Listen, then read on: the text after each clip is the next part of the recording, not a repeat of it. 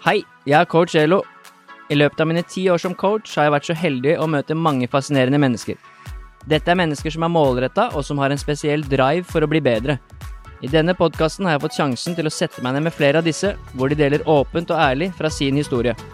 Her deler de både erfaring og verktøy som er verdifulle for alle som ønsker å skape en forandring i livet sitt. Har du et mål eller et ønske om å forandre noe i ditt liv? Da er denne podkasten for deg.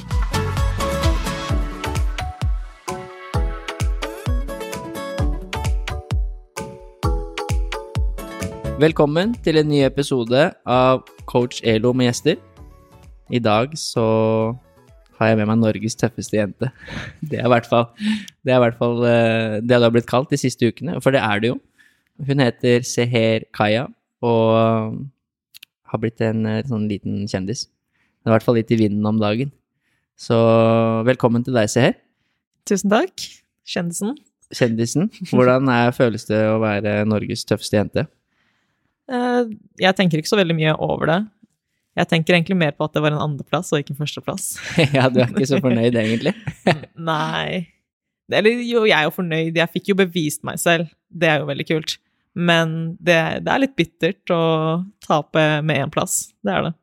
Ja, for vi skal snakke om det etterpå. Du er idrettsutøver, driver med crossfit, så du er ikke, du er sikkert ikke så glad i å tape.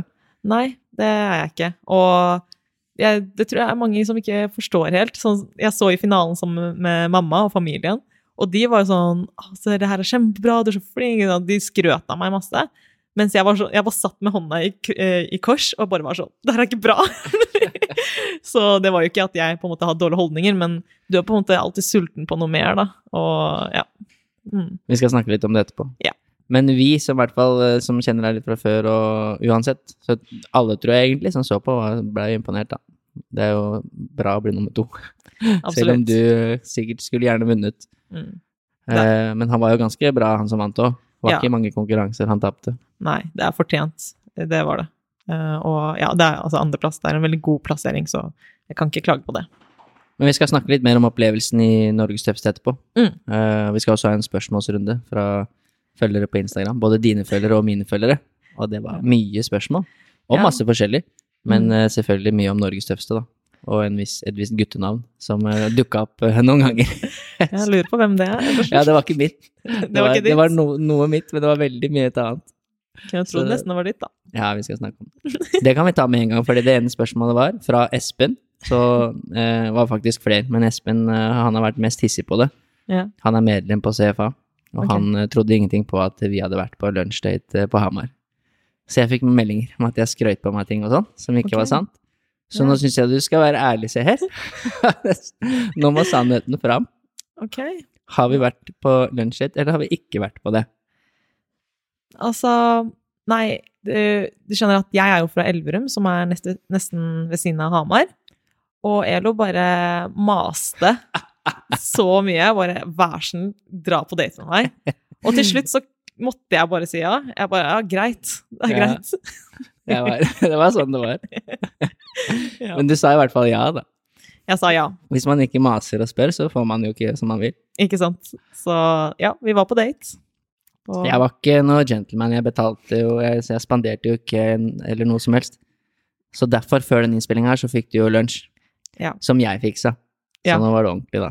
ja, det var veldig hyggelig. Ja. Fikk ja. god lunsj før podkasten, så Og så fikk du lireple. ja, Som jeg ser at du ikke har drukket opp ennå, men jeg, jeg tror du likte den, da. jeg likte den. Men ok, da er det ute. Da har du fått svaret ditt, Espen.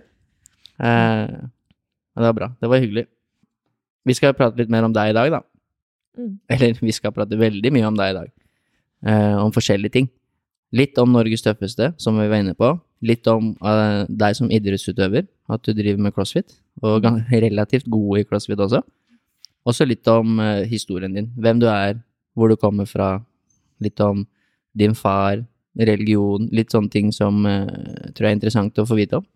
For å få et litt sånn bedre bilde av hvem du er, da. Men uh, før vi går dit, så kan vi bare ta noe, noe som er veldig aktuelt akkurat nå, og det er jo litt kvartfinalen i CrossFit Games. Der Mhm. gikk du videre til semifinale, og det er ganske stort. Eh, Ja. Da er du topp 30 i Asia, er det sånn? Mm. Fordi at eh, jeg konkurrerte som eh, med altså, tyrkisk pass, så jeg konkurrerte i Asialigaen.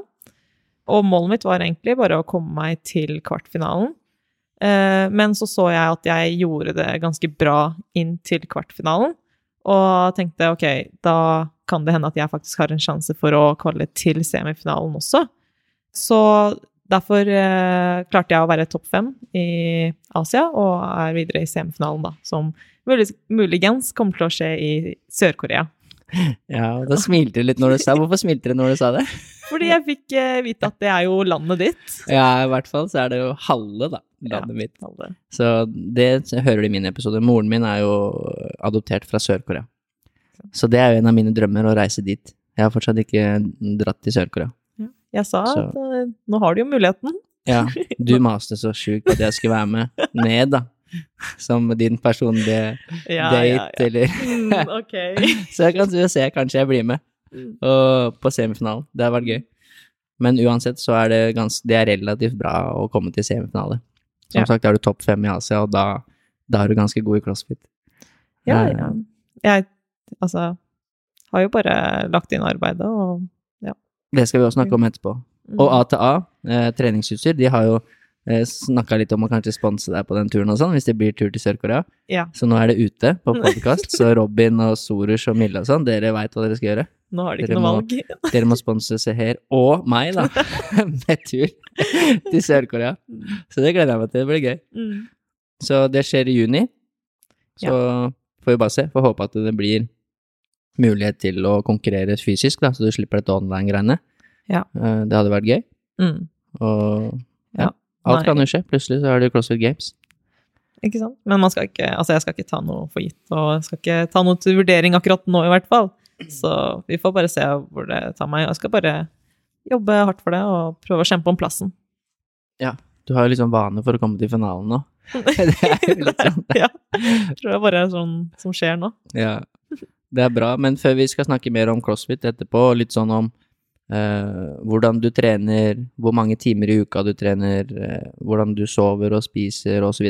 Og ikke minst eh, litt sånn om mindset og det mentale rundt det å være en toppidrettsutøver, eller en som eh, virkelig har lyst til å bli blant de beste i verden på det man driver med. Der har du masse spennende å komme med. Og sikkert en av grunnene også, også at du kom så langt i Norges tøffeste. Mm. Det er jo mye mindset. Eh, så også en episode at du leste den boka fra Carol Dweck som heter Mindset. Mm. Den ligger der nede. Ja. Den er bra. Så du er veldig opptatt av sånne ting. Ja. Og det blir spennende. Men før det så tenkte jeg å, å høre Så ta, vi tar litt sånn om bakgrunnen din først. Ja. Hvem du er, hvor du kommer fra. Du nevnte her at du har også et tyrkisk pass. Ja. Eh, og så Ja, egentlig starte med det. Hvem er du, ser, og hvor er det egentlig du kommer fra? Kommer ikke fra Elverum? Nei, det gjør jeg ikke. Eh, Jeg kommer fra Moss, så det er en liten by, det også. Men eh, vokste opp i Moss og har bodd der hele livet. Og er 23 år gammel. Jeg har alltid drevet med forskjellige idretter. Eh, Det er sånn jeg ble interessert i trening og alt det her.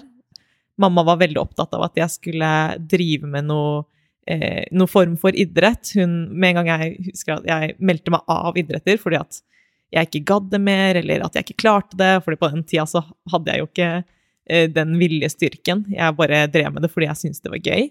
Så pleide mamma å bare melde meg på en ny idrett og sa ok, hvis du slutter på svømming, da skal du starte på håndball. Hvis du slutter på håndball, skal du starte med det her. Så hun hele tida på en måte pusha meg, da. Og så har jeg bare egentlig gjort det hele livet. Eh, og så, når jeg skulle Altså, jeg visste aldri på en måte hva jeg hadde lyst til å jobbe med, og hva jeg hadde lyst til å drive med. Men uh, merka fort at uh, trening er uh, det som er lidenskapen min. Uh, det er det jeg har lyst til å gjøre. Og prøvde å, begynte å se etter mulighetene på hva jeg kunne gjøre som ja, fungerte for meg i, i den bransjen. Da. Så jeg begynte å jobbe som personlig trener. Um, men uh, merka at eh, du, er, altså persontrening krever veldig mye av deg. Du er nødt til å høste hele tiden, du er nødt til å finne nye kunder, du er nødt til å ta vare på de kundene. Og på den tida også eh, var det jo, drev jeg også og konkurrerte i crossfit, eller jeg hadde lyst til å konkurrere i crossfit.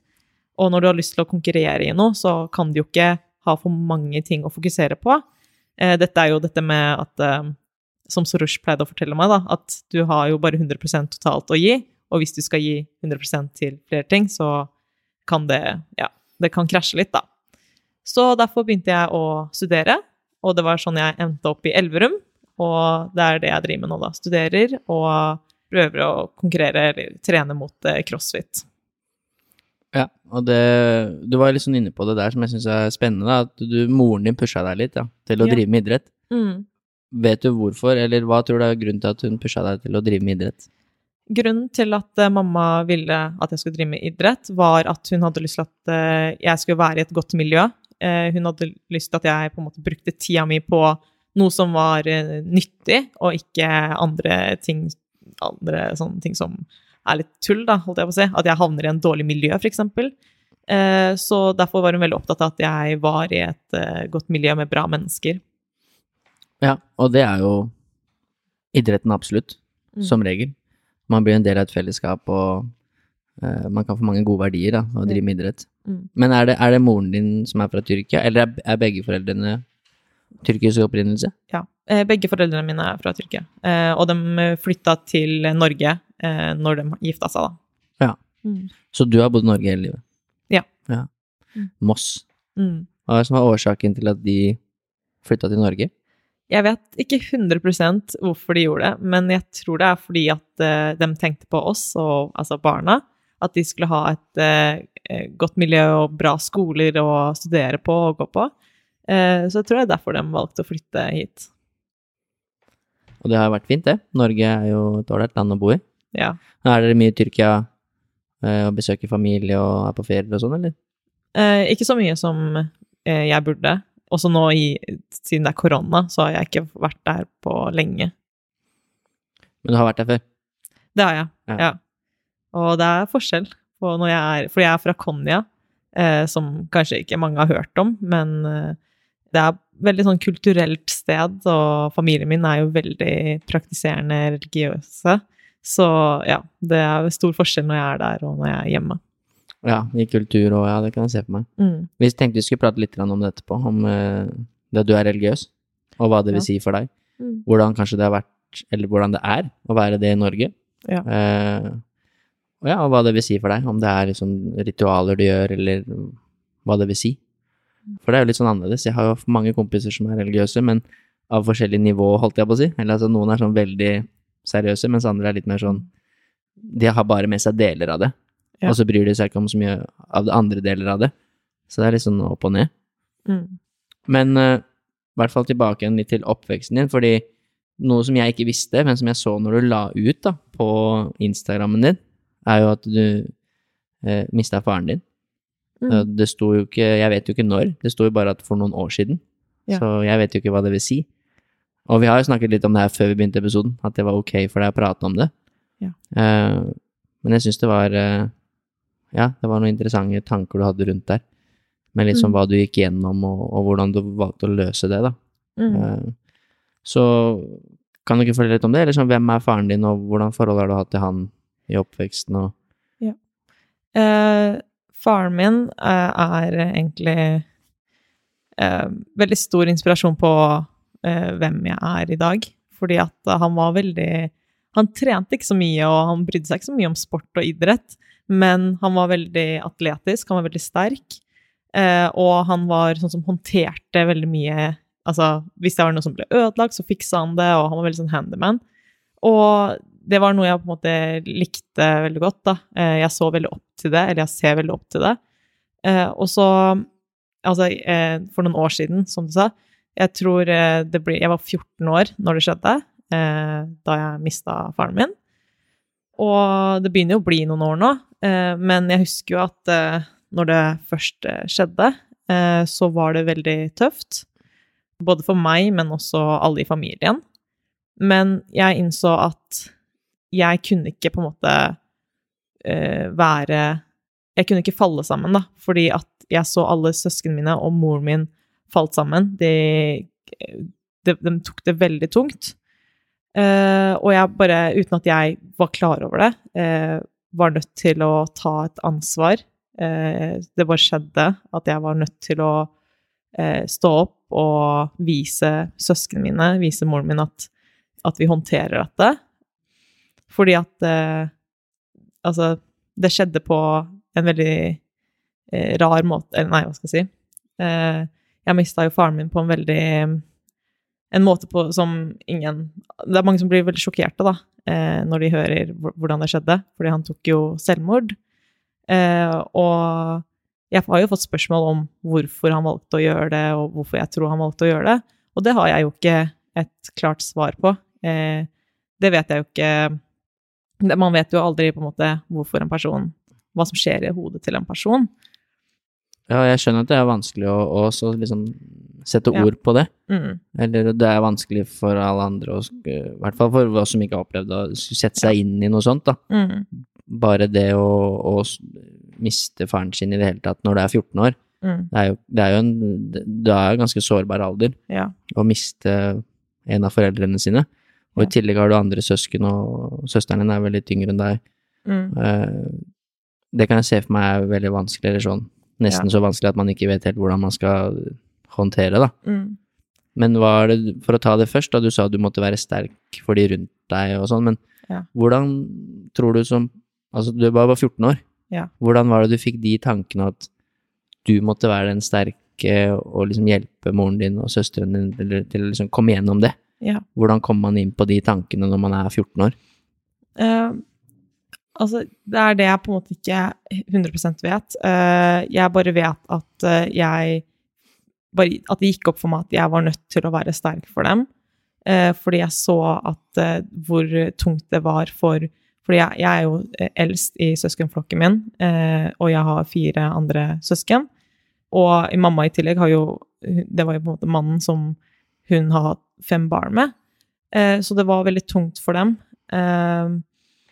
Og det var Vi dro jo på Vi var jo på mange psykologtimer, eksempel, eh, hvor vi prøvde å snakke om det her. Og til og med der husker jeg at eh, alle Vi satt eh, rundt det bordet med en psykolog, og alle i Alle søsknene mine og mamma gråt, og de på en måte var De knakk sammen. Eh, mens jeg måtte være der og bite sammen tennene og bare være sterk, da. Fordi jeg ville ikke være eh, Altså, vi var liksom seks personer. Jeg ville ikke være en sjette person som også eh, håndterte det på den måten som de håndterte det på. Selv om det ikke er noe galt i at Altså, det er jo veldig trist, ikke sant? Men eh, det var på en måte at jeg da tok det valget, da, om å enten knekke sammen eller å være sterk om det. Og bare på en måte satte opp en sånn mur, en vegg foran meg, og prøvde å bevise folk at eh, dette går bra. Også i tillegg at jeg på den tida en skjøv det litt vekk, som jeg ikke burde gjort.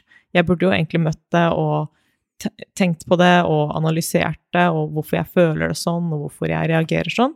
Men på den tida, når jeg var 14 år, så håndterte jeg det på den måten hvor jeg bare eh, skjøv det vekk og prøvde ikke å tenke på det, prøvde ikke å snakke om det. Jeg også prøvde å håndtere det med trening. Eh, Jeg brukte trening som en terapi, som jeg ikke var klar over. Hver gang det ble for mye, og ble for mye mennesker hjemme hos oss, eller at det bare ble for mye prat om det, så bare dro jeg, tok med bagen min, og så dro jeg på trening. Eh, og det kan jo være bra til en viss grad, men jeg merker nå at eh, det var sånn jeg på en måte håndterte det, og jeg vil ikke få et dårlig forhold til den situasjonen her. Jeg vil jo faktisk eh, være åpen om det, prate om det, at det er ok, jeg har akseptert det. Eh, som jeg vil si at det er det stadiet jeg har kommet til i dag, da. Ja. Så det er jo Det er jo en veldig fascinerende eller sånn spesiell historie, da. Men eh, det er kanskje det at du var eldst da, i søskenflokken, hadde kanskje litt å si. At du følte at du måtte passe på de, siden du var den eldste. Mm. Og så skjønner jeg jo godt at for moren din var det kanskje veldig vanskelig å skulle håndtere det her, Ja. som hadde fem barn, og, og så blir mannen borte, da. Mm. Men som du sa, så satt du opp en sånn vegg, eh, som jeg tror er vanlig for mange å, å håndtere det på den måten, for å Mm. Slippe å Altså, man, man vil jo bare slippe å tenke på det, eller slippe å møte det. Mm. Det er jo ofte derfor man kanskje gjør sånne ting, da. Mm. Men har du i ettertid åpna opp for det? Har du noen gang liksom hatt den der at du har knekt litt sammen, da, og liksom virkelig følt på hvordan det egentlig var for deg å miste faren din? Eller har du bare hatt den veggen eh, siden du var 14? Nei, eh, jeg har etter hvert eh, vært åpen om det og prøvd å snakke med mamma om det, for jeg syns det var tøffest å snakke med mamma om det. fordi at det, var, det gikk ikke lang tid før jeg på en måte bare begynte å gråte, og jeg hadde ikke lyst til å gråte foran henne. Eh, vet ikke hvorfor, men jeg bare hadde ikke lyst til å virke svak. Men eh, etter hvert så har jeg på en måte klart å prate med henne om det, og også har jeg innsett at dette gjelder jo ikke bare den situasjonen her, men hvis jeg, hvis jeg, hvis jeg kommer i en slik situasjon, og jeg fortsetter å skyve det vekk, det, det, vil være en eller annen gang i livet hvor du møter på det, og da er du ikke forberedt på Du har ikke gjort deg mentalt klar, du har ikke på en måte forberedt deg nok til å møte på det, og kanskje ender opp med at du håndterer på en dårlig eh, måte, da. Så det var på en måte, det er derfor det har vært så viktig for meg, da, og både for mine egne, men også for mine søsken, at uh, vi prater om det her, at dette er ok, at vi har akseptert det. Og det var det som skjedde, at vi på en måte skjønner greia her, da. Ja, så du har i, senere tid liksom følt på det, eller tillatt deg selv å være lei deg, da? Eller tillate deg selv å føle på den sorgen og, sånn? Du har ikke vært liksom ha, knallhard hele veien? Eh, Du har eh, liksom kjent på det? Ja, ja, ja det har jeg. Eh, har sittet med eh, hun søstera mi som er ett år yngre enn meg, og pratet det ut, gråtet det ut, eh, med mamma, med venner, eh, og bare, ja. Eh, så det er ikke sånn at jeg bare er en ufølsom person som bare har en vegg foran meg. Selvfølgelig har jeg følelser, og det er bare, bare mentaliteten på hvordan man skal takle en slik ting, da. Ja. Ja, det er eh, fascinerende at du, eller at du er i stand til å prate om det nå, da. Det viser jo mm. at du har eh, prosessert det, eller sånn. Det er jo ikke alle som ville gjort det. Nei. Jeg kjenner jo folk som har mista foreldre eller andre som egentlig ikke har lyst til å prate om det i det hele tatt. Mm. Eller som blir kanskje veldig berørt hver eneste gang de prater om det, selv om det er veldig lenge siden det har skjedd, da. Ja. Og det er jo ikke noe galt i det, men det kan jo tyde på, som du sier, kanskje at man ikke Ja, man har ikke akseptert det. Mm. Man har ikke klart å gå videre med det. Ja. Og det skjønner jeg jo, jeg hadde sikkert slitt med, veldig med det samme selv. Mm. Uh, men uh, det fins jo ingen fasit på hvordan man gjør det, men jeg Mm. tror det er en fin ressurs for andre at du klarer å prate om det, i hvert fall. Mm. Og sette litt ord på det, og at kanskje andre kan finne trøst i det, da. Ja. Eller uh, ja, kanskje oppfordre de også til å kanskje tørre å prate om det, eller Det virker jo sånn. Dere har gått gjennom det sammen, som en familie. Ja, ja absolutt. Uh, og det er som du sier, at uh, også etter at på en måte uh, jeg valgte å være så åpen om det, så har jeg sett at mange som har opplevd det samme, kan relatere og kan på en måte se på hvordan jeg gjør ting, og ta litt inspirasjon fra det, hvis det ikke blir feil å si.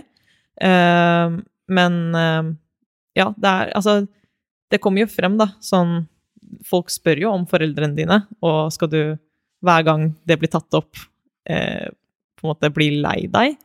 Eh, det er bare sånne ting at du hele tida er klar for at eh, dette temaet kan bli tatt opp, og at du er klar for å stå imot, da. Ja, og som du kanskje sier, gå, klare å gå videre med ditt eget liv, da. Eller akseptere at det, det blei sånn. Ja. Eh, for det kan jeg se for meg er vanskelig å akseptere i det hele tatt at noen blir borte. Ja. Men også, som du sier, måten det skjedde på. Ja, at han valgte det selv. Ja. Og der, der kunne jo jeg stått her og på en måte skyldt på han, at jeg sånn At jeg kunne ha tenkt liksom, Tenkte han ikke på oss, at han har ansvar for oss, og på en måte vært litt der, da. Men som jeg sa, man vet aldri hva som skjer i hodet til en person. Og istedenfor å bruke det for det negative og legge den negative energien på det, så har jeg valgt å fokusere på det eh, positive, da. Ja, men hadde du noen ganger de tankene der? Eller, sånn, eller jeg, Du hadde helt sikkert i hvert fall spørsmål om hvorfor valgte du det her.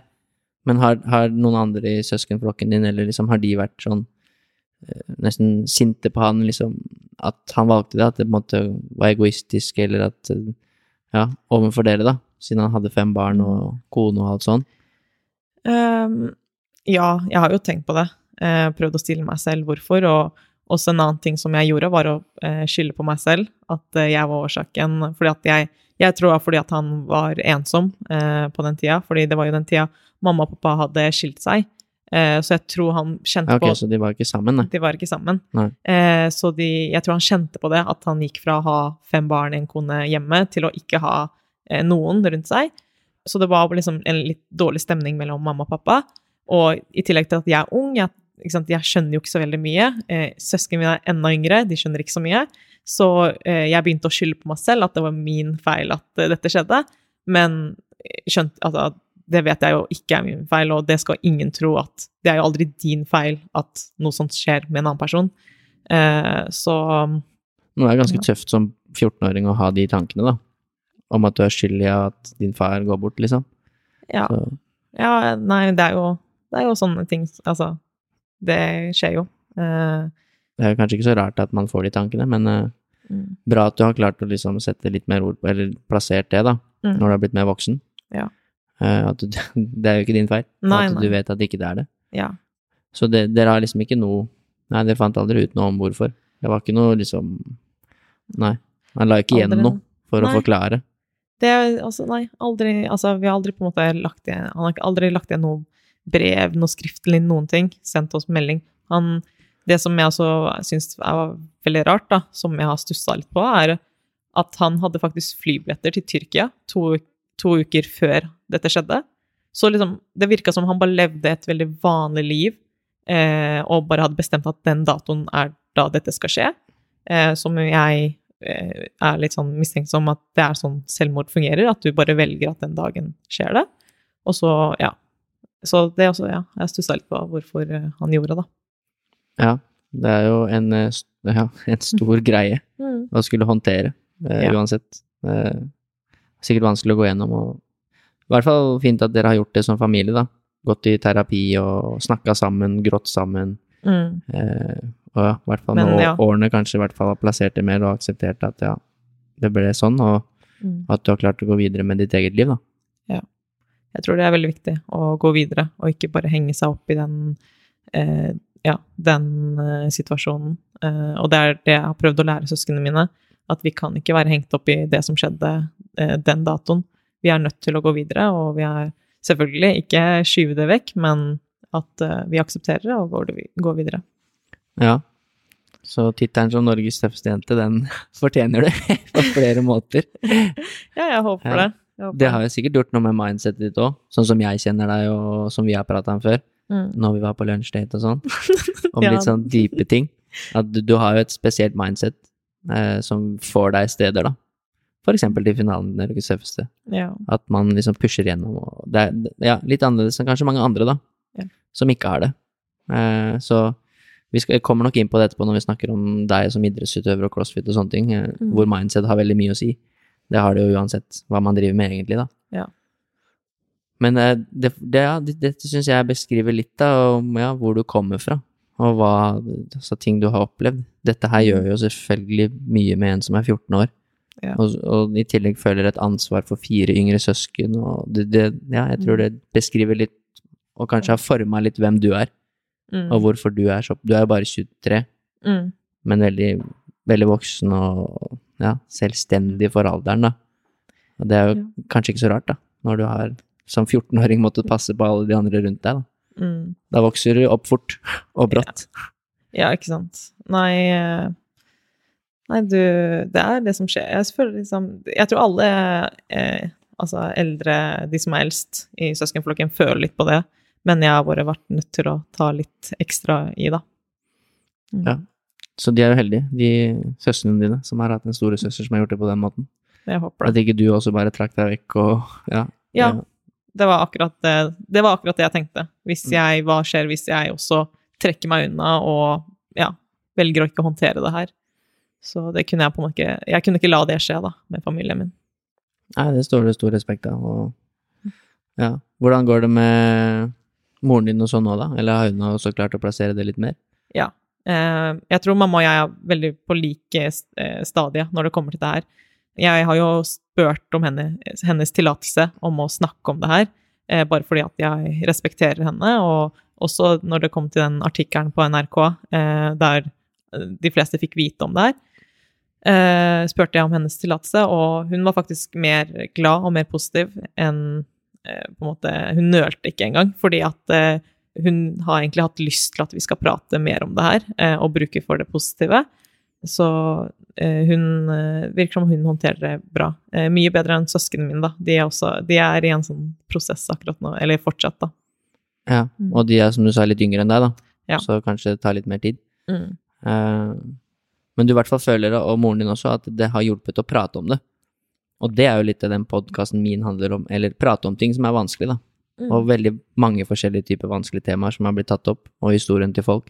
Ja. Som dette her er første gang jeg prata med noen om det, men vi har jo snakket om eh, seksuelt misbruk, og vi har snakket om uhelbredelig kreft, og vi har snakket om å miste folk og kjærlighetssorg, altså ting som Uansett hva du driver med, og uansett hvem du er, så Mm. går man gjennom disse tingene fordi det er en del av livet, da. Ja. Alle mister noen, og alle har det vondt og har kjærlighetssorg et, et eller annet i løpet av livet. Ja. Uansett om du er idrettsutøver eller hva det enn måtte være du driver med, da. Mm. Derfor så tror jeg også det er mange som kan kjenne seg igjen i det.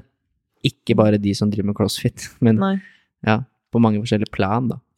Og det er jo ikke sånn at det er ikke akkurat det her det gjelder til, da, å ha sånn mentalitet som det her.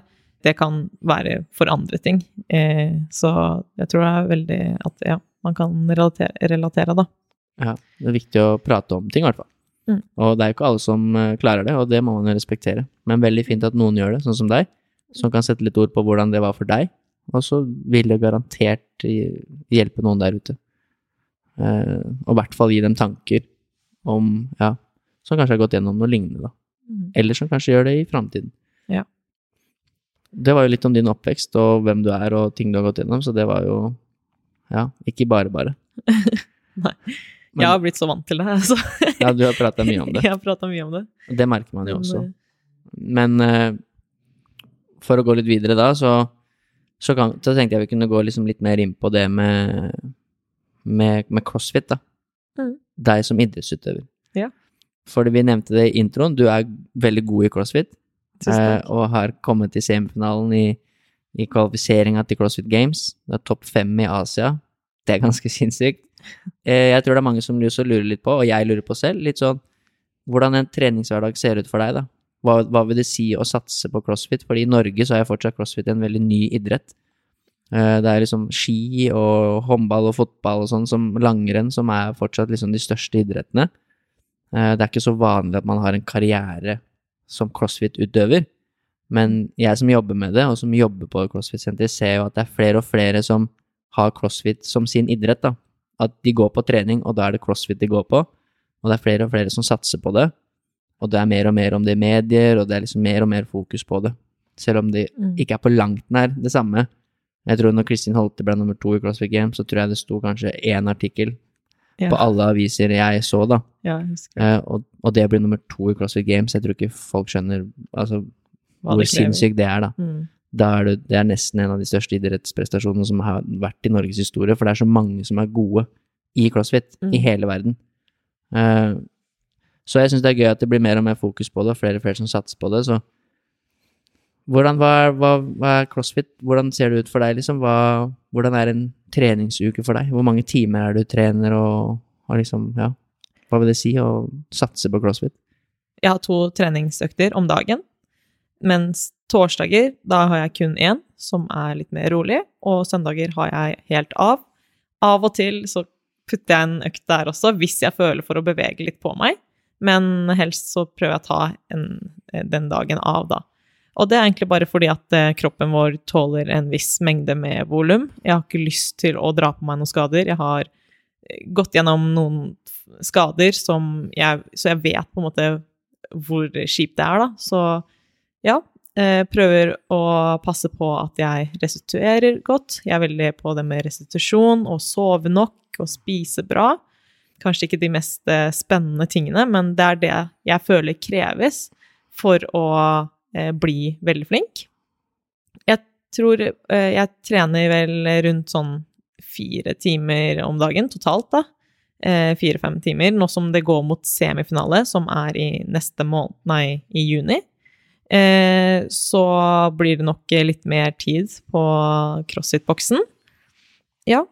Eh, hva annet er det å fortelle? Jeg, prøver, jeg er veldig Altså, det vi snakka om i stad, var jo dette med hva som har på en måte gjort at eh, jeg har kommet så langt. For jeg har jo ikke drevet med crossfit så lenge. Jeg fant ut hva crossfit var for kanskje tre år siden, og begynte å konkurrere for litt under to Eller har konkurrert i litt under to år. Men jeg har vært veldig streng på dette med å ha en rutine som funker. i, over en lang periode. Det er veldig viktig at man har en, eh, en rutine som man kan gjøre flere måneder, flere år.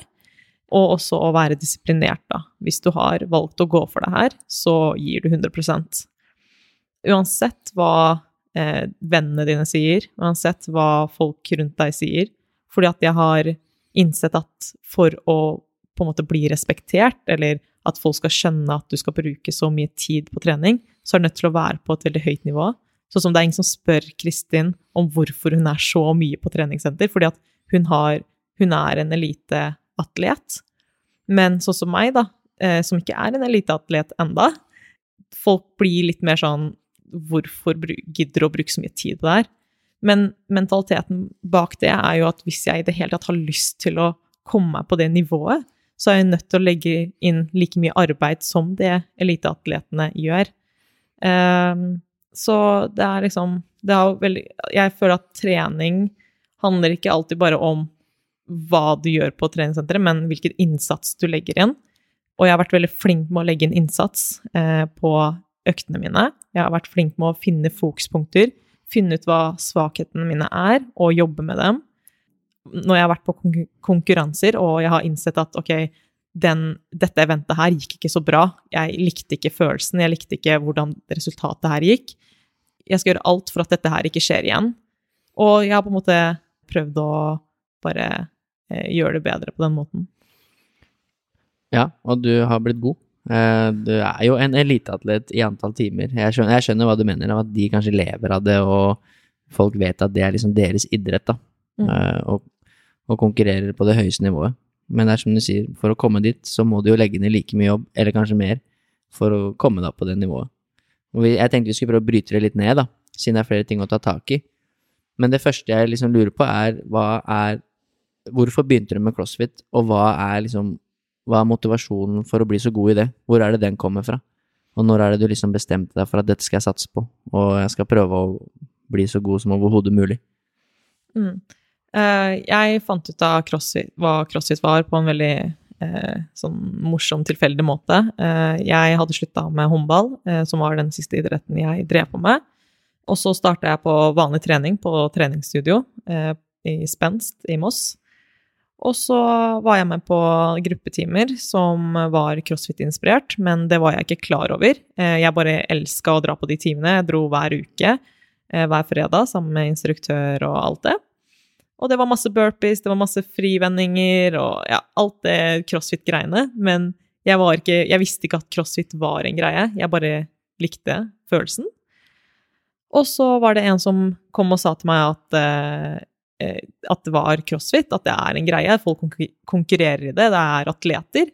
Og så begynte jeg bare å se litt mer på hva det var, og ble mer og mer interessert. Jeg syns eh, de skillsa var veldig eh, fascinerende, da. Det der med muscle up jeg syntes det var veldig kult at folk klarte det. Så da prøvde jeg å få til en muscle up. Øvde i flere måneder og uker. Eh, jeg tror jeg satte av sånn tre dager i uka der jeg skulle øve på muscle up. Det var liksom det første målet å klare, da.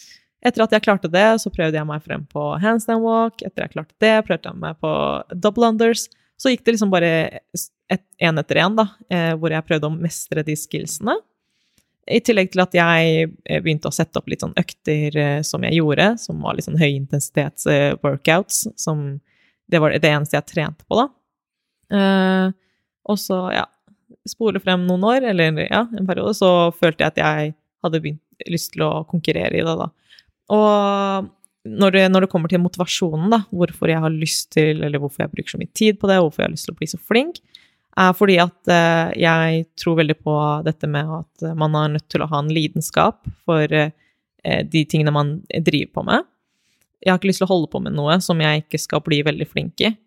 Eh, og det er derfor jeg har lyst til å bli veldig flink i crossfit, fordi at jeg har en lidenskap for det, og ja, det er på en måte det jeg har valgt å bli god i, da. Ja, og det er jo som du sier, jeg tror det er mange av grunnene til at folk blir sånn hekta på crossfit når man begynner med det, fordi at det er så mange CrossFit er jo alt mulig, og så mm. er det så mange opplevelser av mestring. Det som liksom å gjøre en muscle-up kan jo virke helt umulig, ikke sant. Hvis man ser folk som driver og gjør muscle-ups i ringer og sånn, så kan det være sånn Det ser helt sjukt ut. Hvordan i all verden skal jeg få til det, hvis man kanskje ikke engang klarer en pull-up? Så det er mange sånne ting, tror jeg, som gjør at folk blir sånn hekta på det. Mm. For det er jo Alle mennesker har jo godt av mestringsfølelse. Og det å klare sånne ting da, som man kanskje trodde at man aldri skulle klare, det tror jeg gir en veldig sånn ekstra motivasjon. Eh, det er plutselig det å kunne stå på henda i voksen alder, ikke sant, lære seg å gå på henda, eh, og alle disse tingene her, jeg tror jeg er eh, en av grunnene til at folk blir så hekta på det. Ja. Og så er det sånn, det er jo samhold også. Vi Ja. snakker litt om etterpå, du er jo glad i å trene aleine, men Ja. crossfit er jo veldig sånn inkluderende ofte. At man går på trening sammen, og det blir en sånn gruppegreie. Det er jo gruppetrening i utgangspunktet crossfit er. Um, og så har man jo de som deg, da, som er liksom veldig gode, som satser på det. Mm. Men av vanlige mennesker som driver med crossfit, så er det jo ofte gruppeinspirert, da. Ja. At man gjør det sammen. Men eh, jeg tenkte jo liksom videre, der har du liksom lidenskapen din, hvordan du begynte med crossfit, og hvordan du fant interessen for det, da. At dette ville jeg bli god i, og at du, du syntes det var gøy å drive med det. Nå, når er det du bestemte deg for at, eh, at dette skal jeg liksom satse på, eller sånn, eh, legge ned så mye tid som du legger ned nå, Ja. på at liksom, fordi det som du sa, det går utover mye annet, da.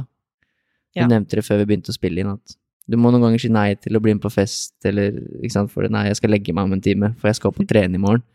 Eh, det er jo noen valg du må ta, som er litt sånn, kan være litt tøffe. Det er jo harde prioriteringer, da. Mm. Um, det er jo Ja. Det er en litt sånn lang historie, da, holdt jeg på å si, men eh, vi har jo tid, så Vi har tid, ja. Nei Du har jo eh, fridag, så. Ja, fridag. eh, nei, eh, jeg husker at um, når jeg jobba som personlig trener, eh, så jobba jeg jo ganske mye. Eh, jeg hadde kunder, jeg prøvde å få inn øktene mine, jeg prøvde å eh, spise riktig, eh, jeg prøvde å sove nok, og ja, var Jeg tok tak Eller jeg hadde veldig mye å håndtere, da. Og så husker jeg at eh, jeg drev på med det, eh, ikke så lenge, jeg tror det var kanskje litt over et år, eh, hvor, jeg, hvor det var eh, rundt fire timer søvn med eh, ja, seks-åtte kunder om dagen, eh, to økter om dagen, og ja, var eh, bare på hele tiden. Jeg var på beina hele tiden. I tillegg så pleide jeg å jobbe på sånne treningsarrangementer med Nocco, Bearbells og Ata. Bare tok, ta, tok eh, alle sånne jobber jeg kunne få. Og så var jeg på vei til eh, en crossfit-konkurranse som heter Norwegian Championship, tror jeg det var. Eh, den som var i Gol. Og jeg husker at det, det var i åtte timer å kjøre opp til den konkurransen. Og da fikk jeg en kompis av meg eh, til å kjøre. Og jeg husker altså med en gang jeg satte meg inn i bilen, så bare sovna jeg. Jeg bare Altså, jeg sov i de åtte timene opp til Gol. Fordi kroppen min var så sliten, og den, altså jeg var helt, den bare kollapset. Og det, var, det er jo ikke sånn du skal føle deg på vei til en konkurranse. Du skal føle deg uthvilt, du skal føle deg bra, du skal være fokusert. Og så gjennomførte jeg den konkurransen. Jeg fikk en dritdårlig plassering. eh, Og på vei hjem fra konkurransen så innså jeg at ok, jeg husker jeg bare satt i bilen, og jeg gråt. Fordi jeg, det var på en måte det punktet jeg knakk sammen, da. Det var bare sånn Ok, det her er altfor mye. Eller jeg klarer ikke å gjøre alt det her eh, på en gang. Eh, dette er jo dette med Jeg snakka om det med 100 og at jeg prøvde å gi 100% av meg selv til flere ting, når jeg egentlig burde ha tatt de 100% og fordelt dem på de tingene som betyr noe. Og det var da jeg innså at eh, jeg må endre opp ting. eh, hvis jeg har lyst til å bli god i crossfit. For jeg likte jo ikke følelsen av at jeg plasserte veldig dårlig på den konkurransen. Og innså at ok, hvis jeg har lyst til å bli god og få en bra plassering til neste konkurranse, så er jeg nødt til å si nei til noe. Og det var da jeg valgte å si nei til, eller slutte med PT, og starta å heller å studere, fordi at når man studerer, så har man litt mer fritid. Eh, man kan eh, i hvert fall det studiet jeg går, så har jeg litt mer fritid og kan fokusere mer på treningene mine og sove nok og spise riktig. Stresse mindre, blant annet. Og det var på en måte ja, da jeg innså at eh, jeg, det var dette jeg trengte å gjøre da, for å bli flink. Ja, det er en kul historie, da. Den var ikke så lang. Den var ikke så lang? Ok, det virka lang i hodet mitt. Men det er jo, som du sier, jeg tror man må jo kanskje gå gjennom noe sånt, da, for å innse liksom at ok, jeg kan ikke drive med alt her. Det er jo sånn man finner ut på veien, da. Hva man har lyst til å drive med, og, og hva som skal til, kanskje, for å bli skikkelig god i det. Man må ha noen sånne opplevelser. Jeg kjenner meg veldig igjen i de følelsene som du sier der. Uh, som man hørte på min episode. Hvis det er noen som har hørt på den, så er det jo litt sånn Jeg dreiv over med veldig mye. Ville bli sånn god i fotball. Jeg spilte på liksom det høyeste nivået i Norge, samtidig som jeg studerte idrettspsykologi og gjorde 100 PT-timer i måneden, som er noe av det samme som du gjorde, fem-seks PT-timer om dagen. Mm. Og i tillegg var fysisk trener for et elitelag i håndball. Og da Mm. føler man jo ikke at man strekker jo ikke til noen steder. Alt blir sånn halvveis. Mm. Uh, og når du da tar det valget om å slutte med en eller to av tingene og fokusere veldig, som for meg blei karriere med liksom fysiotrener og PT, så får man jo veldig mye progresjon der, Mm. fordi du kvitter deg med alt annet. Mm. Og som du sier, kan du ha mer 100% inn mot én eller kanskje én eller to ting, da. Mm. Eh, så jeg tror det er noe man må bare finne ut på veien, da, som det virker som du gjorde her, gjennom disse opplevelsene. Du gidder jo ikke å bruke så mye tid, komme på en konkurranse og gjøre det dårlig. Nei. Det er jo ikke det man ønsker. Eh, Nei, det, jeg merka det. Jeg var sånn var ikke fornøyd i det hele tatt, og ja. Så det er som du sier, man må bare få den erfaringa der, da. Og det er jo derfor kanskje de som hører på det her, får eh, At de lærer av våre erfaringer, da. ja. Så det er alltid inspirerende å høre på andre. Mm. Og folk kan jo alltid fortelle deg hva som er riktig, og hva du skal gjøre og sånn, men jeg tror Mm. til syvende og sist du må gå gjennom det sjøl òg, Mm. for å komme dit. Finne ut hva som er riktig for deg, for dette er et valg du har tatt for deg sjøl. Det tenkte jeg var liksom det neste vi skulle snakke om, at dette valget er for deg, og du tar ikke det for noen andre. Det er ikke fordi at vennene dine forventer at du skal bli god i crossfit, eller Ja. det er fordi det er viktig for deg. Og da, som du sier, er det jo harde prioriteringer når du er så nøye som du er. Når vi skulle lage den podkasten her, for eksempel, eller episoden her, så var det sånn Nei, jeg kan torsdag og søndag. Jeg kan ikke noen andre dager, fordi da trener jeg. Mm. Eh, Så det må bli en av de. Eh, Så du er liksom, du er veldig nøye med tiden din. Hvor mange Mm. timer du skal sove, hvor mange timer du skal trene. Du sier nei til ting som kanskje er kult Mm. å si ja til av og til, sånn fester og arrangementer og sånn, men vet du hva, jeg skal sove, og jeg skal opp tidlig i morgen og trene, så det må jeg si nei til. Det er jo ikke alltid det er så lett. Så jeg tenkte du kanskje kunne prøve å putte noen ord på det, for da får man jo reaksjoner fra mennesker rundt seg. Mm. Når man velger å ta et veldig stort valg for seg sjøl, så er det alltid folk rundt som reagerer, da. Og det er akkurat som du sier. Og jeg tror også, ikke sant, siden jeg Og jeg, det er jo ikke fordi at jeg er skiperson, det er ikke fordi at jeg ikke har lyst. Er, jeg har veldig lyst, og det frister som bare det. Men jeg vet at jeg på en måte vet hva konsekvensene er, jeg vet hva mine prioriteringer i livet er. Og det har jo vært eh, tider hvor jeg åpner opp Snapchaten min, eller hva enn det skal være, og ser alle vennene mine henger sammen, koser seg, og jeg er ikke der. Og jeg fikk ikke engang en invitasjon, fordi at de vet at ok, Seher sier nei uansett. Um, men jeg tror bare at du er nødt til å være så streng i hodet. Eh, og jeg tror også veldig på at hvis jeg ikke hadde gjort de valgene Og det er snakk om, det er snakk om én dag, eller eh, fest, eller én eh, tur på stranda, eller hva enn det skal være. Men hvis du legger til alle de dagene som du kanskje sa ja istedenfor nei, så blir jo det veldig mange treningsøkter. Det blir jo mange dager som du kunne ha blitt bedre på. Eh, og det er på en måte litt sånn jeg tenker. Hvis jeg dropper den ene treningen, så kanskje ikke kommer eh, Kanskje jeg ja, eh, ikke oppnår det her, ikke sant. Eller hvis jeg drar ut og spiser, så kommer jeg sikkert til å ta dessert, og liksom Ja, det liksom matcher ikke helt med min plan, da. Jeg liker også å tro på at jeg har jo klart de tingene jeg har klart på grunn av de små detaljene der. Blant annet Norges tøffeste, ikke sant. Eh, kanskje ikke jeg hadde kommet på Norges tøffeste hvis jeg ikke hadde vært så streng med meg selv. Eller hvis jeg ikke hadde vært så streng med meg selv, så hadde jeg ikke klart semifinale. Målet mitt var jo bare kvartfinale, men jeg klarte å overraske meg selv fordi kanskje jeg har eh, klart å bli så flink, da. Og det krever mye av deg, og eh, i en ung alder spesielt, å si nei til disse tingene, fordi at du tenker også at du er nødt til å leve, du er nødt til å kose deg. Men du er nødt til å velge også. Du er nødt til å gjøre et valg her. Det er så mange som har sagt eh, til meg at ser hvorfor, ikke sant? hvorfor skal Dropp den ene treninga. Herregud, det skjer ingenting av én trening. Det skjer ikke noe av én dag med dårlig søvn. Men tydeligvis så gjør det det. Ja, og det, er, jo- ja, jeg syns uansett det er veldig inspirerende og, og kult at du har tatt det valget for deg selv. For det er det jeg tror liksom mange sliter litt med, da. Man blir veldig, sånn er vi mennesker, vi blir veldig påvirka av hva alle andre mener. Mm. Og sånn er det for de fleste.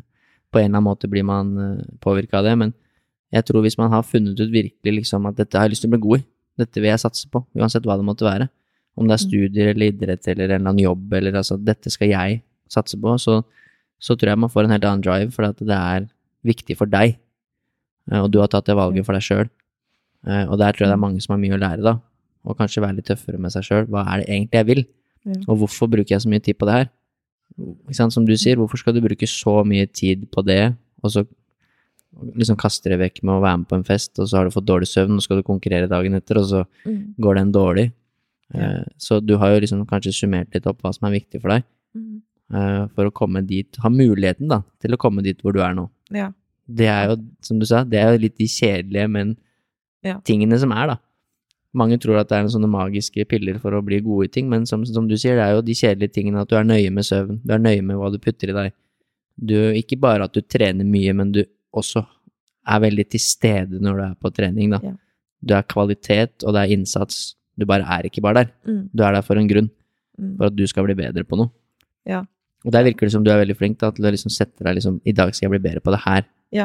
Uh, At jeg ser gjennom treningsplanen og ok, dette området her er jeg nødt til å fokusere på. Eh, eller bare lager sånne småpunkter i hodet mitt, da. En annen ting, eh, jeg filmer jo og ser gjennom videoene. Det handler jo ikke alltid om å bare gjennomføre og eh, bli kjempesliten. Og det, noen ganger så handler det om å ta et steg tilbake, analysere. Hva er det jeg er nødt til å forbedre her? ikke sant? Så det er som du sier, det er de kjedelige tingene. Og før podkasten også, så spurte du om liksom ja, la oss gå litt inn på det her. Og, jeg, og så sa jeg til deg at ok, svarene er veldig kjedelige, men det er det som er fasiten. Eh, så noen ganger så er det det som kreves. ja, og det ser man jo på de mange som er gode, gode hvis det er idrett vi snakker om, som er liksom blant eh, de beste i sin idrett. Så ja, du må ha litt eh, gener, og du må ha litt liksom med deg for å kanskje kunne prestere i det. Eh, det må passe for deg, da.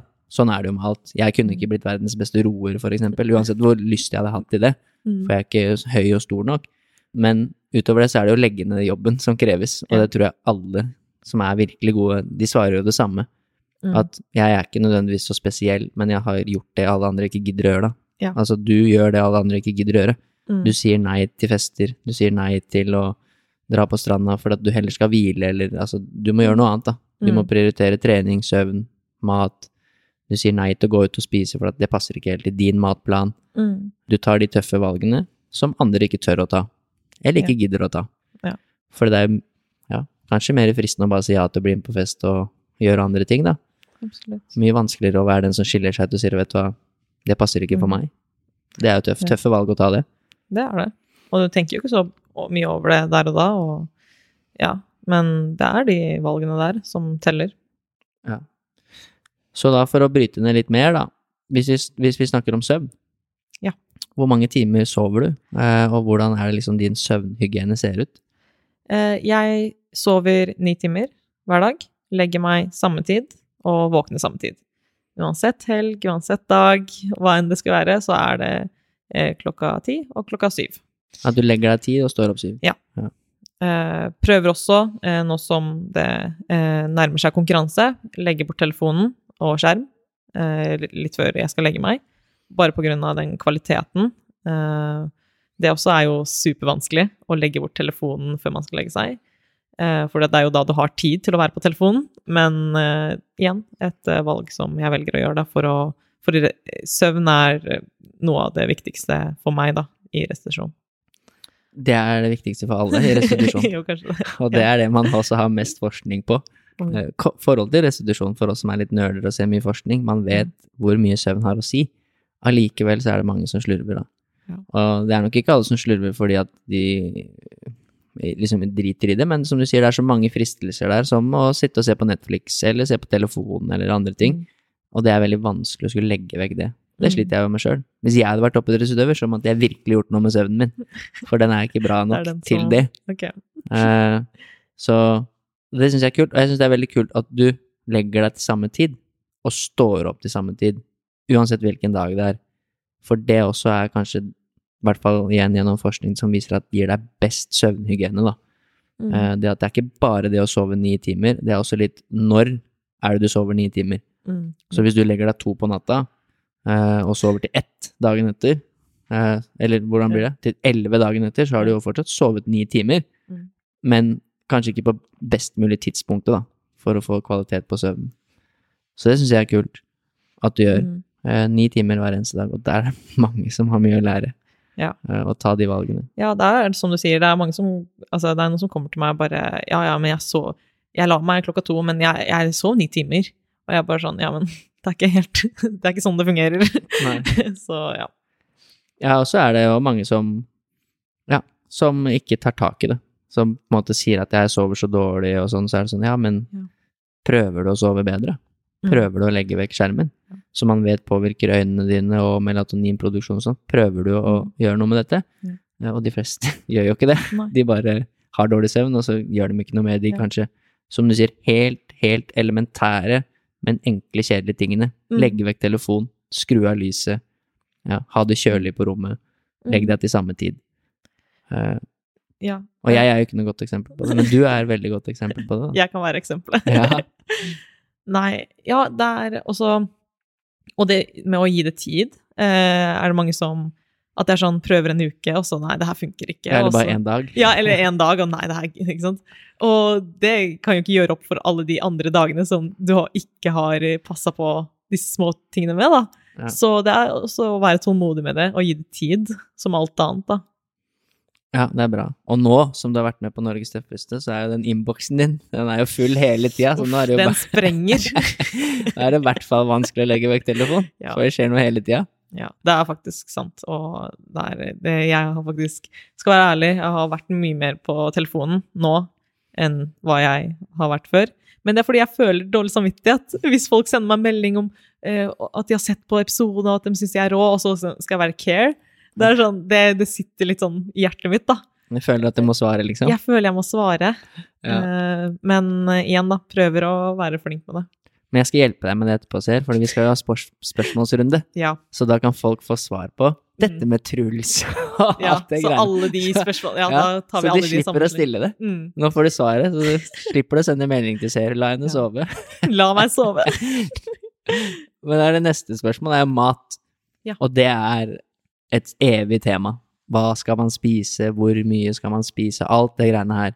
Mm. Skal man telle kalorier, hvor nøye skal man være, osv. Hvordan er det med mat for deg? Hvordan er det du spiser? Eh, veldig avslappa forhold. Jeg spiser eh, bra mat. Jeg, når jeg handler på butikken, så handler jeg kun mat som har eh, bra næringsinnhold. Eh, altså, jeg er ikke Jeg sier ikke det er dårlig med eh, ja, å slakke litt noen ganger, men eh, vet selv at eh, det er den maten som kommer til å gi meg best energi, og best eh, det med restitusjon, da. Hjelper meg med restitusjon. Men jeg teller ikke kalorier. Prøvde det før, men merka at det bare adder på en måte stress da, med å på en måte passe på Jeg tenker veldig mye over det og alt det her. Så jeg passer egentlig mer på å spise nok. Det er det jeg sliter med. Jeg prøver jo egentlig å spise nok mat, eh, som ofte blir i crossfit, da, når, man, når det er så høy intensitet, og når det er to økter om dagen, eh, så kan man fort slite med det. Og passe på at jeg har eh, disse store måltidene, og så har jeg mange eh, altså mindre måltider rundt det, da. Eh, passe spesielt på å spise før og etter treninger. Eh, det er på en måte da jeg føler det er viktigst, da.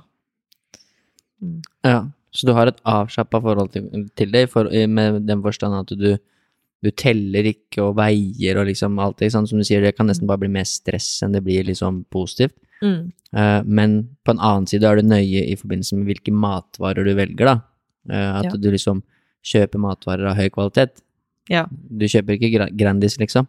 Nei, Nei, det, nei, det gjør jeg ikke. for jeg har jo sett måltidene dine, og du spiser jo du spiser jo bra mat, altså mat som er av høy kvalitet. Ja, det betyr mye å høre fra deg, for du er veldig på kvalitet. ja, var grei, den lunsjen du fikk i stad. ja, det var det. Selv om kyllingen ikke er Det var ikke bra nok kvalitet egentlig for meg. Var ikke fornøyd med den. Priorkylling er ikke noe særlig. Priorkylling er bra! Jeg skjønner. Jo da, det er greit. Det er bare jeg som er litt nerd. Ja. Men jeg er også opptatt av det. Jeg er jo ikke så opptatt heller eh, Når jeg satte meg noen mål om å gå opp i vekt, så telte jeg kalorier. Men det var mest for å lære, og mest for å liksom bare finne mer ut av liksom Få et bedre bilde av hvor mye er det egentlig jeg trenger. 3500 kalorier, hva er det? Mm. Det har med bare for å forstå. Så nå gjør jeg ikke det lenger, men jeg gjorde det en periode for å lære litt, og brukte også en veileder på det. Mens Mm. som jeg er som deg, jeg er veldig, veldig avslappa til kosthold. Jeg spiser akkurat det jeg har lyst på, men jeg er veldig nøye på å spise mat av høy kvalitet, da. Ja. Og jeg har ikke noen problemer med å bruke en del penger på mat av høy kvalitet. Ikke? Det, samtidig har jeg lyst på en øl, så tar jeg meg en øl. Altså, Ja. jeg, det er avslappa i den forstand. Ja. Eh, og nå har ikke jeg noen toppidrettsutøver, så eh, det er jo heller ikke like viktig for meg som det er for deg. For deg er jo timingen, som du sier, Ja. av mat rundt trening og sånn mye Mm. viktigere. Siden du trener to ganger om dagen og høy intensitet, og da blir det viktigere. Men når du spiser og hvor mye og sånn. Mm. Ja, og det var jo litt derfor jeg også begynte å telle. Eh, trodde først at jeg var sånn ok, alle, at alle atleter gjør det, så jeg må også gjøre det. Det var liksom det som var eh, ideen først, da. Men eh, det fikk meg til å innse at eh, eh, hvor, altså, hva som er nok, da. Hva som er nok for meg. Og så fant jeg ut at ok, ting er mye bedre når jeg har det avslappa forholdet som jeg har. Og så, det er ikke det at altså, jeg, Noen ganger så har jeg en sjokolade i sekken som i treningsbagen som jeg tar frem etter økta, hvis jeg har en eh, veldig tøff trenings, treningsøkt og trenger litt eh, sukker etter økta. Og jeg tror mange ikke tror at jeg spiser sånne ting, eh, fordi at eh, en gang så la jeg det ut eh, på Story, at jeg, jeg, ta, jeg tok bilde, og så var det sjokolade i bakgrunnen. Og så det, fikk jeg masse meldinger bare sånn 'Spiser du sjokolade? Er det sjokolade i bakgrunnen jeg ser?' Og det var liksom masse sånne. Og det syns jeg var litt sånn eh, Ikke trist, men jeg var sånn Tror ikke dere at jeg spiser sånne her ting? Eh, så ja, det var Jeg tror jeg må være flinkere med å si det, da. At det, det er ikke sånn at jeg bare spiser grønnsaker. jeg spiser sjokolade og brus og alt det her også. Ja. ja, det er som sier, men du er nøye allikevel på liksom hovedmåltidene dine er bra, Mm. og stort sett er de fleste måltidene veldig, veldig bra. Og også for deg, da, som du sa, det handler jo om å få i deg nok, eh, og som Mm. crossfit-utøver så er jo karbohydrater ekstremt viktig, fordi intensiteten er så høy. Mm. Så den energikilden man bruker som crossfit-utøver, er stort sett karbohydrater. Ja. Eh, og da, da må du få deg sukker, da, og karbohydrater, Ja. og da er ikke alltid det er så enkelt, så en sjokolade kan jo være kjempebra for å klare å få i seg nok av det. Ja, ja, jeg er karbohydrat-queen. Jeg spiser masse karbohydrater. Ja, alle som driver med crossfit må jo det. Mm. Ellers så blir det vanskelig å skulle gjøre det man gjør. Ja. Eh, Å få energien ut fra fett, for eksempel, blir jo supertungt. Ja, det ville ikke fungert så bra. Men, eh, men det er fint at du har liksom et avslappa forhold til det, samtidig som du har gode rutiner, da. Du har innarbeida rutiner som er bra. Mm. Eh, men du kan unne deg en brus, du òg. Det. Uten at det er noe problem. Og det er fint. Og så var det litt det jeg var- inne på i stad, hvor mange timer du trener, da. I løpet av en uke. Eh, og du sa sånn fire-fem timer om dagen, Mm. stort sett.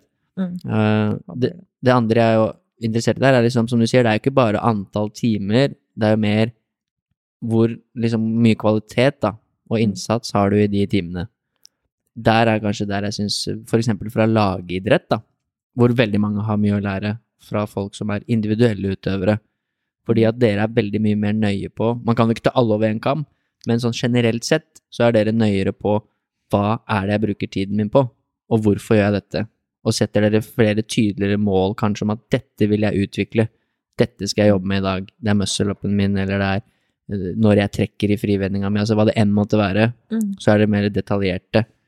Eh, der tror jeg det er mange som driver med lagere som har litt å lære å Ja. sette seg mer spesifikke individuelle mål, og jobbe veldig sånn konkret med det. Mm. Så hvordan er det for deg? Det er altså Ja, kanskje det blir litt strengere når det er individuelle idretter, fordi at eh, du har ikke noen andre å skylde på enn deg selv. Eh, det ligger alt opp til deg.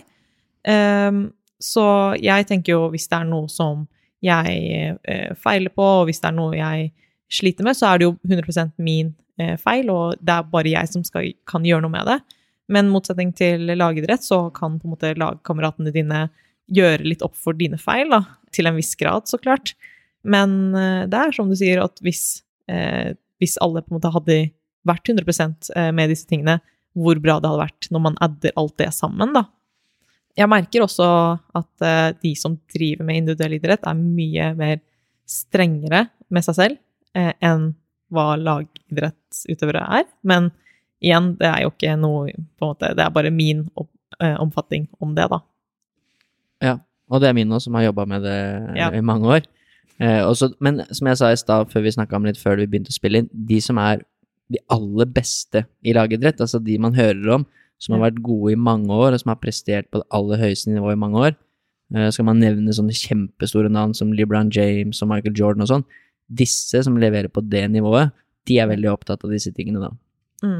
Ronaldo, for eksempel, og Zlatan, som snart er 40 år, men som fortsatt de, sånn, de er Mm. kjempenøye på de tingene som du snakka om nå. Søvn, Ja. hva de putter i seg, eh, hva de gjør på trening, eh, hvordan de hele tiden kan bli bedre. Ja. Og så er det andre som flyter litt mer, fordi i lagerrett så kan du flyte litt mer og likevel gjøre det ganske bra. Mm. Så jeg, jeg tror, som du sier, det har vært kult å se noen flere, da, liksom virkelig gjøre 100% og så se hvor mye potensial man har. Få ut sitt ytterste potensial, da. Mm. Der tror jeg det er individuelle utøvere får kanskje ut mer, Ja. mens at folk i laget de er bra, men de kunne vært enda bedre hvis de hadde fokusert på de tingene her, da.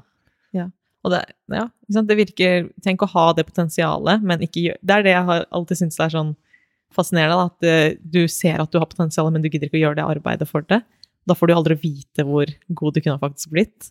Eh, og det er liksom litt sånn som kanskje motiverer meg, da. At jeg ser sånn Jeg kanskje har potensialet, og da må jeg jo faktisk ta det, det steget dit, da, for å finne ut av det. Den, ja. Mm. Ja, det er inspirerende å se. Og det snakka vi litt om i stad, at jeg for meg selv, jeg skulle ønske at jeg kanskje hadde din mentalitet når jeg var 17-18-19 og liksom var bra i fotball, men jeg var mer den som hadde naturtalent og var litt sånn naturlig god, så jeg gadd ikke å legge ned så mye innsats, egentlig. Jeg var ikke opptatt av søvn og kosthold og oppvarming, og jeg ga litt faen i alt det, og fløyt litt mer. Så jeg hadde jo mange år hvor jeg tenkte liksom, hvor god kunne jeg egentlig blitt ja. hvis jeg hadde gjort alle disse tingene her? Etterkant, liksom. Men nå er det plassert, og jeg er, sånn, jeg er ikke noe sånn bitter over det nå. Nei. Men det er som du sier, mange som driver med lagerrett faller litt i den kategorien der. Sånn der, Ja. eh, han kunne blitt god. Mm. For det er mange som kan bli gode. Ja. Men hvem gidder nå å gjøre de tingene som du gjør? Sant? Hvem er det som gidder å gjøre de tingene som de fleste andre ikke gidder? Ja. Også, ja, Det er jo forskjellen ofte. Mm. Jeg tror det også er sånn eh, Jeg tror folk tenker sånn eh, eh, Hva om jeg legger inn all dette arbeidet, og så når jeg ikke det jeg vil oppnå? Var det verdt det hele den tida? Kanskje det er det som på en måte holder folk igjen, da? Ja, man er litt redd for å feile også. Ja, Jeg mislykkes. At du har gjort så bra, eller du har prøvd så hardt i så mange år, og så har det på en måte vært litt bortkasta. Eh, ja, at det er det som holder folk igjen. Ja, det kan jo være også. Men ja, det er det livet handler om, å gamble litt på det. ja, man tør å ta litt sjanser. Mm. Hva er målene dine da, som crossfit-utøver? Hva liksom er den optimale, eller den ultimate drømmen, liksom? Er det være med. CrossFit Games, eller er det bare det vanlige svaret som alle andre crossfit-utøvere, at jeg skal bare gjøre så godt jeg kan, og så må det holde så lenge det holder? Det er jo skummelt å snakke om sånne ting, vet du. Ja. Så det er sikkert derfor alle svarer sånn. Men ja, hvis man Altså, det er jo absolutt målet mitt å komme meg til CrossFit Games. Eh, den dagen jeg klarer det, så kommer jeg til å miste det helt. Men eh, det er det jeg jobber for. Eh, og så har jeg aldri hatt sjansen til å konkurrere i NM. Så det er sånn fordi at det ble avlyst sist gang jeg kvalifiserte meg. Så det også er et mål, eh, å kvalifisere i NM. Det hadde vært litt kult. Eh, og se hvordan jeg ligger an i forhold til de norske utøverne, fordi det er veldig mange gode norske utøvere. Og så konkurrere i flere internasjonale konkurranser, da, og ta podiumplasser. Det er mine ja, store, langsiktige mål, tenker jeg. Ja, det blir kult å følge med. Ja. Tror du kommer til å komme langt. Det er jeg ganske sikker på. Du tror det? Jeg tror det. Men det blir NM, det er da NM i functional eh, fitness, da. Ja. Ofte. Ja. Mm. Så det er bare at det er et annet navn for det, fordi at ja. ja. Men vi trenger ikke å gå inn på det nå, Nei. men eh, ja, det har litt med forbundet å gjøre og ting og sånn, men Ja. eh, mange av de som er best i crossfit, da, de konkurrerer også i functional fitness. Eh, men det er jo ofte bare for å få muligheten til å konkurrere, da. Ja. Ja, ja men det er kult. Og det er vel det er jo kvalifisering til NM akkurat nå, er det ikke det, som pågår? I Ja. Nord Nordtreff? Har faktisk ikke sett så mye på det, men det, det er det. Akkurat nå så driver folk og kolliserer seg og sånt, men Ja. jeg vet ikke hvordan det blir med korona. Nei. Og så har jo du den semifinalen å tenke litt på Ja. i crossfit. Mm. Veien til CrossFit Games. Riktig. Eh, ja, men det er kult, så du er jo uten tvil en toppidrettsutøver i liksom måten å leve på. Ja. Eh, og selv om du ikke lever av det kanskje enda sånn pengemessig eller økonomisk, så er det jo mer toppidrettsutøvere enn igjen veldig mange som kanskje lever av det. For at Mm. Ja, ja. du legger ned så ekstremt mye, da. Og du er så nøye på de tingene som du akkurat har prata om. Ja. med søvn og kosthold og hvile og si nei til ting og ta tøffe valg og Mm. hvilke dager du hviler på og alle sånne ting, da. Så det er eh, Det blir spennende å se. Jeg syns det er gøy at folk eh, liksom virkelig gir alt de kan for å bli god i noe, uansett hva det måtte være. Så Mm. syns jeg det er inspirerende å se. At eh, de som har funnet liksom ut dette jeg driver med, Ja. det er noe, noe kult over det. Ja, det er jo ikke å ta det for gitt, eh, skal man jo ikke. Fordi at er, jeg ser mange sliter med å finne ut av hva de virkelig vil. Og det handler jo på en måte om å Du skal jo elske hva du driver med, og det er det jeg føler at jeg gjør akkurat nå. At jeg elsker hva jeg driver med, hva jeg studerer, og det med crossfiten også. Eh, og jeg håper at eh, alle kan finne ut av det, da, for eh, det er jo det det handler om. Ja. Å drive med noe man syns er gøy å drive med. Ja. Så vi er heldige også, som har funnet ut av det, som på en måte har funnet ut av at dette vil jeg drive med. For det er jo ikke alle som har gjort det, og det er ikke alle som har gjort det enda. Men eh, kult å prate litt om eh, deg som utøver også. Eh, for det, ja, det er eh, definitivt en sport, crossfit, og jeg tror det bare kommer til å bli større. Ja. Og mer og mer vanlig i Norge å drive med crossfit. Og forhåpentligvis kanskje blir det litt mer skriverier om det i medier, og at det blir eh, kanskje vist litt mer på TV, og at det liksom etter hvert eh, interessen blir større, da. Fordi det er definitivt en, eh, en kul sport, da. Ja. Å se på også. Jeg har merka at faktisk at det er litt mer om det. Fordi at NRK Sporten eh, har jo intervjua meg i forhold eh, ifølge, altså med Norges tøffeste, da. Og da sa de bare sånn Ja, vi er veldig interessert i å få litt sånn om deg, da, fordi at vi har ikke så mye om crossfit. Eh, så ja, har prøvd å bidra litt der, da. og lære folk om crossfit. Ja, det er bra at du bruker den eh, kjendisstatusen Ja, som, du, som du nå har, til Ja. eh, noe positivt, da. Sant. Til å ja, vise litt hva du er interessert for, og ting som du brenner for. Mm. Det er veldig bra. Vi kommer litt dit nå, fordi det vi også skulle prate om i dag, er jo Norges tøffeste. Vi er jo nødt til å prate om det. Vi må jo det. Det er eh, en av de mest populære seriene som har vært på NRK, og det var jo over en million seere. Altså det var, det var veldig, veldig mange som fulgte med på Norges tøffeste. Ja. Eh, meg selv inkludert. Og spesielt eh, fordi du var med. Det var litt derfor jeg tenkte at jeg må se, siden jeg kjenner deg. Men eh, det var et kult program, og veldig sånn kult konsept. Eh, og som du sa, vi trenger litt sånne programmer også. Vi kan ikke bare ha sånn Ex on the Beach og, Ja, og sånne ting. men- Vi kan ikke det. Vi kan ikke det. Fortell litt om det. Hvordan eh, var det du ble med på Norges tøffeste? Altså, søkte du sjøl, eller liksom, hvordan var hele den prosessen? Og eh, ja, litt start med det, da. Ja. Uh, så jeg så at de uh, så etter kandidater, men jeg tenkte ikke så veldig mye over å melde meg på før det var mange, eller det var noen av venner av meg som tagga meg i de postene og sa at jeg burde melde meg på, og sendte meg det og sa jeg burde melde meg på. Eh, og så bare gikk jeg inn på den linken og nettsida, og det var ikke så veldig lang søkeprosess. Det var bare at du skulle fylle ut hvem du var, og hva du drev med, bilde av deg selv og en video. Så sendte jeg inn det. Tenkte ikke så veldig mye over det. Åssen video sendte inn da? Jeg er litt spent på. Åssen video var det du la inn der? Det var, det var bare liksom at jeg drev med crossfit. Det var bare sånn treningsvideo. Men de andre, eh, sa, de andre deltakerne sendte inn at de snakka. At de bare var sånn Ja, dette er meg, og dette er hva jeg driver med. og sånt. Men jeg tenkte liksom, jeg må jo vise hva jeg er god for, da. Eh, så da, derfor jeg sendte en treningsvideo, da. Ja. Men eh, i hvert fall, da. Så etter, jeg tror det var etter en uke eh, jeg sendte inn søknad, så fikk jeg en telefon fra en fra NRK og sa at de var interessert i å høre mer om meg. Tok en sånn videosamtale der vi prata litt og fortalte litt og sånt. Og så ringte de meg igjen og spurte om de kunne møte meg personlig. Eh, og så måtte jeg snakke med en psykolog. så det var liksom en prosess. Eh, Hvorfor, hvorfor måtte du snakke med en psykolog? Eller hva var liksom eh, bakgrunnen eller, med det? tydeligvis så gjør alle som skal på TV det. De har en samtale med en psykolog for at eh, psykologen skal på en måte gjøre litt sånn background check. da, At du er klar for det presset med kameraene og konkurransene og oppmerksomheten som du får etter, før alt det her. Så det er noe alle som skal på TV gjør. Du har en psykolog som du kan kontakte også hvis ting blir litt vanskelig. Så kan du snakke med den personen.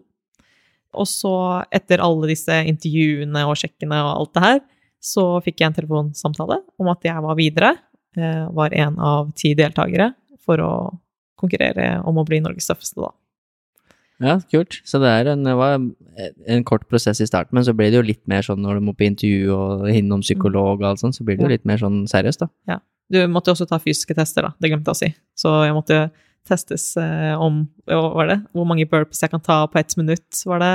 Og det er jo ikke du noe gå på. Nei, det er dritdårlig. Nei da. Og så, ja, pushups var det, planken, pullups, sånne ting, da. De, jeg tror ikke du hadde noe problem med de testene der. Nei, det var ikke det som var det som stoppa. Ja, men det er kult, så hva er veien videre, da? Det, dette ble jo spilt inn, det spurte jeg om, så dette ble jo spilt inn uh, i september i fjor. September-oktober Mm. i 2020. Ja. Så det ble jo spilt inn under korona. Eh, Ja. Så det var en liten greie at det måtte testes og sånn der med utøvere og sånn. Ja. Og jeg trodde dette var utenfor Oslo, men dette var i Trondheim. Nei, ja, det var i Trondheim. Ja. Det sa de jo. Det gjorde de ikke? Det kan godt hende. Ja, jeg, fikk jeg så bare på deg, se her. Fulgte bare med på meg? ja. Ok. Nei, eh, ja, det var i Trondheim. Eh, Albuskjell het det stedet vi hadde basen vår. Eh, før har det, jo, har det jo vært på en sånn bunker, eh, i en sånn Vet ikke hva det er. Så jeg var veldig glad når jeg så at det var på Albertskjell, for det var et veldig fint område og veldig fin sånn location å filme på. Og så Ja, vi måtte jo ta koronatest før vi reiste inn. Og så måtte jeg kjøre dit. Jeg fikk ikke lov til å ta noe kollektiv, noen ting. Jeg var nødt til å kjøre til flystasjonen. Eh, og så ta fly. Og når jeg kom frem, så måtte jeg ta en ny koronatest. Kunne ikke ha nærkontakt med noen. Og ja, det var bare mye styr, da. Men de ville jo få det til. Men eh, altså, hvor lenge var For du kom helt til finalen. Ja.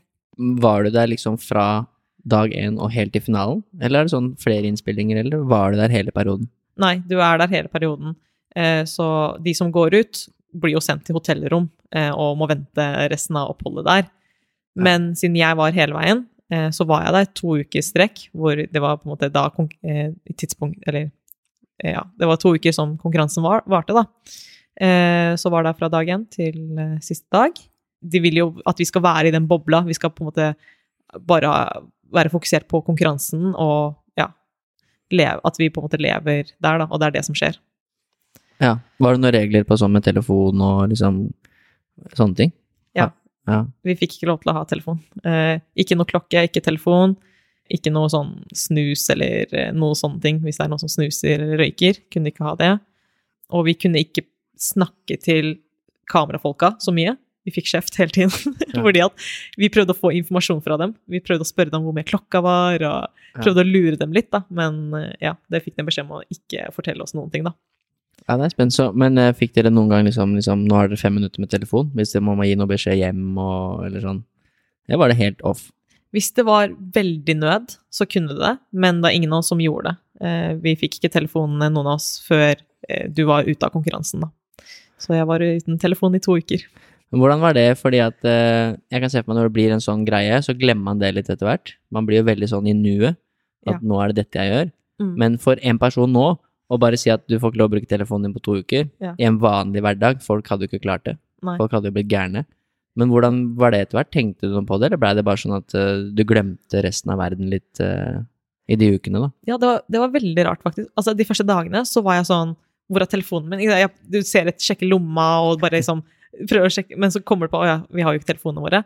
Eh, etter hvert så glemmer du det litt. Og så Det var veldig sånn Altså, det eneste jeg brydde meg om, var det som skjedde der og da. Jeg tenkte liksom ikke på familie eller noen ting, fordi at vi var i den bobla. Du tenker ikke på korona, du tenkte ikke på liksom noen ting utenfor det som skjer der og da. da. Eh, så vi hadde jo, vi visste jo ikke altså, Vi hørte ikke på radio, vi fikk ikke lov til å høre på radio, musikk, nyheter, ingenting. Så det var sånn, Fikk bare høre på hun der Olivia-dama. ja, bare hun der. Men uh, tror du det er, tror du det er en, en positiv greie å ha et sånt avbrekk i den verden vi lever i nå? Man er liksom utsatt for informasjon hele tiden. Tror du det var bra for deg, å, eller var det bra for deg å liksom være litt av telefonen i to uker? Nei, ja. Nei, jeg syns Jeg føler ikke eh, Jeg tror de fleste kunne hatt godt av det, å ta vekk telefonen litt og ikke være så avhengig av telefonen. Men eh, jeg føler ikke jeg er avhengig av telefonen. Jeg kan legge den bort når jeg vil, og jeg kan ta den frem når jeg vil. Men hvis det er noen som føler at de på en måte er superavhengig av telefonen sin, så kan det jo være godt å legge den vekk eh, noen ganger. Ja, og noen ganger kanskje blir liksom, som du sier, tvunget til å gjøre det der, da. Ja, det er Jeg, jeg merker jo, du er jo som du sa, veldig sånn i nuet. Ja. Jeg har merka det blant annet når vi har sånn teambuilding med, med nytt lag da, før ny sesong. Ja. Med, med håndball som jeg driver med, så har man ofte sånn teambuilding-tur. eh, To-tre dager eller noe sånt. Og da har i hvert fall vi hatt sånn greie at du, du får ikke ha telefonen i de tre dagene, da. Og det skjer noe med hele liksom dynamikken i gruppa, man får helt andre samtaler, en helt annen tilstedeværelse. Ja. Fordi at eh, når du da spiser middag, så sitter du og prater med de du spiser middag med. Ja. Hvis du hadde hatt telefonen, så hadde folk sittet og sjekka telefonen og ikke vært like mye til stede, da.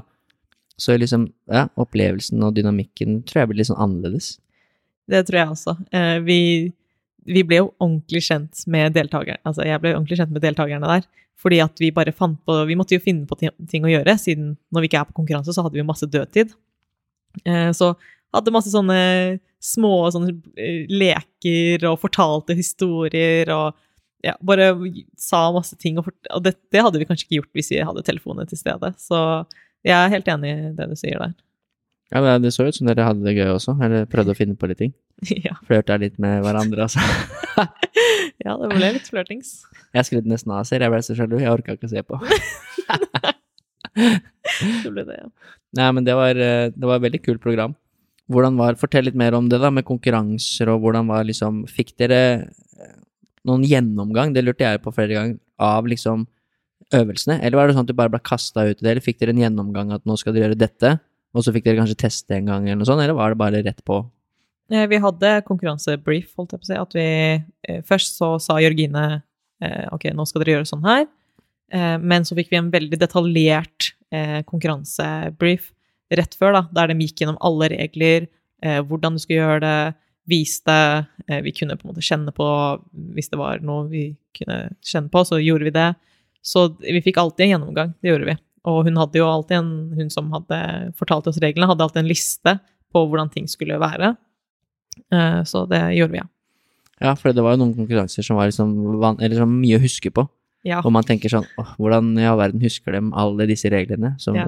ja. dere gikk gjennom først, da? For det var jo mange elementer og forskjellige ting i noen konkurranser, da. ja. Og det, det var der jeg glapp litt på, på finalen, eksempel. Så jeg vet ikke om folk så det, men jeg gikk jo på tauet. Fordi at jeg glemte at man skulle klatre under tauet, så jeg snubla i tauet. Og det var fordi at det var så mye å huske på, eh, og jeg er ikke sånn Når jeg er nervøs i tillegg, og så putter den på masse ting som vi skal gjøre, så glemmer jeg noen ting. Eh, Så det var flere ganger jeg glemte meg litt underveis. Ja, men så gikk det jo ganske bra. det, kom, det kom jo på andreplass. Men hvilken eh, konkurranse kommer noen spørsmål om etterpå på den spørsmålsrunden òg, men eh, hvilken konkurranse var den tøffeste? For deg, da?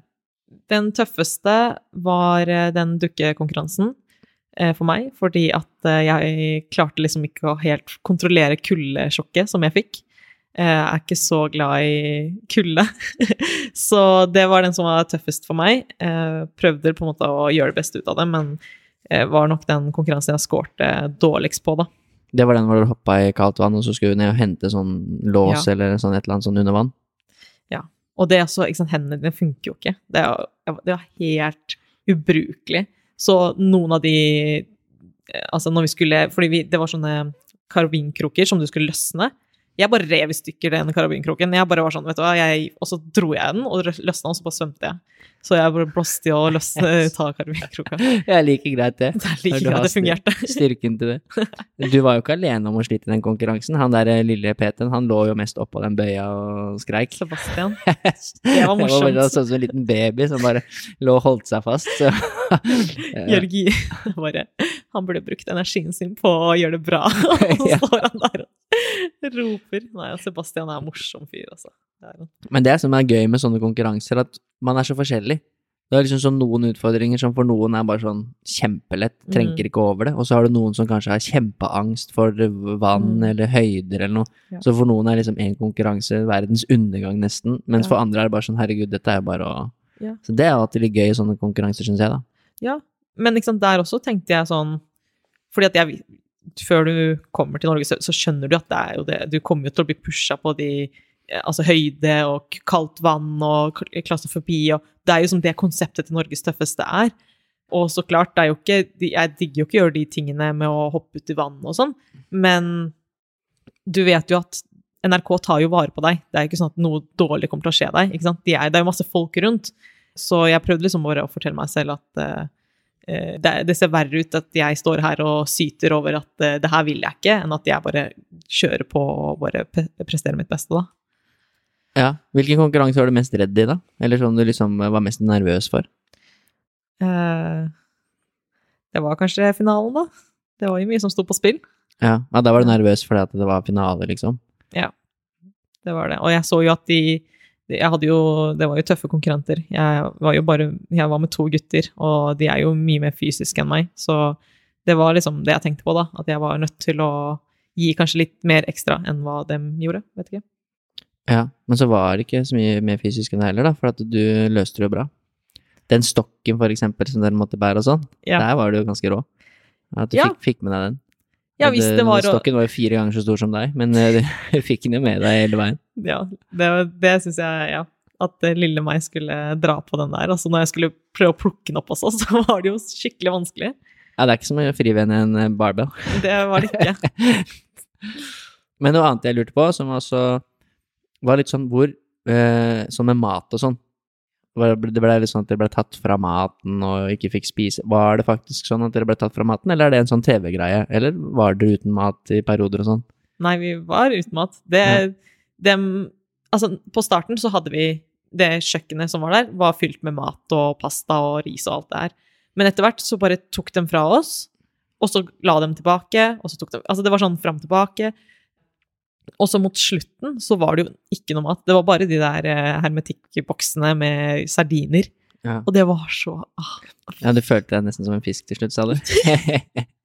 Men hvordan, hvordan var det for deg, da, som er eh, Ja, du er vant til å pushe deg fysisk og sånn. Og det er jo helt selvfølgelig ikke noe problem for deg å pushe deg fysisk og bli sliten, men du er jo ikke vant til å pushe deg fysisk uten å få spise. mm. Du er jo veldig sånn streng med å få i deg nok mat, nok søvn. Ja. Hvordan påvirka det deg når du ikke fikk sove, og Olivia-greiene plagde dere hele natta, og du ikke Mm. fikk spise og sånn? Hvordan påvirka det deg sånn rent fysisk og mentalt? Eh, du ble jo Jeg ble sliten, og, men jeg var jo veldig sånn Jeg holdt meg Jeg holdt lav profil. Jeg prøvde å ikke bruke mer energi enn hva jeg trengte å gjøre. Eh, mens jeg følte at de andre deltakerne eh, kunne liksom bruke litt mer energi og være litt med på. Mens jeg var sånn ok, jeg er nødt til å være, holde meg litt rolig, for jeg vet at vi får veldig lite mat. Og jeg forbrenner ganske mye vanlig, så liksom jeg prøvde å holde meg litt rolig. Men jeg tenkte ikke så mye på det under eh, eh, selve konkurransene. Da, tenkte, da tenker du ikke så mye over det, da tenker du bare på selve konkurransen.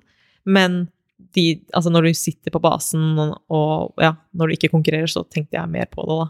Men jeg tror ikke det var det som eh, ødela for meg. Nei. Det var ikke så mye som ødela for deg, egentlig. Det var jo ja, nesten helt der oppe. Men la oss snakke litt, litt kort om han som vant. For han var eh, litt av en eh, I hvert fall sånn man ser når man så på TV, han var jo litt av en type, han er Isak. Ja. Eh, og han hadde jo kanskje den da eh, Hva skal vi si rareste bakgrunnen, eller sånn eh, Han var den eneste som måtte ikke trente på treningssenter, og han hadde ikke liksom sånn han andre i finalen så jo veldig mye bedre trent ut og sikkert løfta med vekter og sånn, men han, han var jo helt rå. Han, var jo, han vant jo nesten alle konkurranser. Eh, hvordan var det å konkurrere mot han, og hvordan var egentlig han, Isak-fyren? Nei, altså, jeg ser veldig opp til han. Eh, han var veldig flink, veldig fortjent. Jeg tror han var veldig mer, mye mer mental enn det vi andre var. Han var mye mer tøffere, fordi at den jobben han gjør, er veldig tøff. Eh, og han tok med veldig mye av det til konkurransen, da. Han hadde jo, du merka jo det, han hadde jo eh, erfaring i nesten alt det vi skulle gjøre. Eh, den slepekonkurransen med de stokkene, så hadde, sa han jo Ja, faren min fortalte at man aldri skal slepe stokker, man skal bære dem. Og det er liksom sånne ting, da, som han hadde alltid Han visste på en måte Han hadde alltid en plan inn mot konkurransene. Og så Han fortalte oss ikke så mye. Altså, jeg visste ikke at han hadde jo drevet med ganske mye, han kunne ganske mye. De tingene visste jo ikke jeg, eh, fordi han fortalte ikke deltakerne det. Eh, så han var veldig taktisk smart. Og så var det, han var jo veldig sånn Han hadde jo selvtillit. Han uh, var litt sånn Trodde på Han visste at han kunne klare det. Han trodde på seg selv. Hvor jeg kanskje slet litt mer. Jeg var litt sånn Ok, alle deltakerne her er veldig flinke.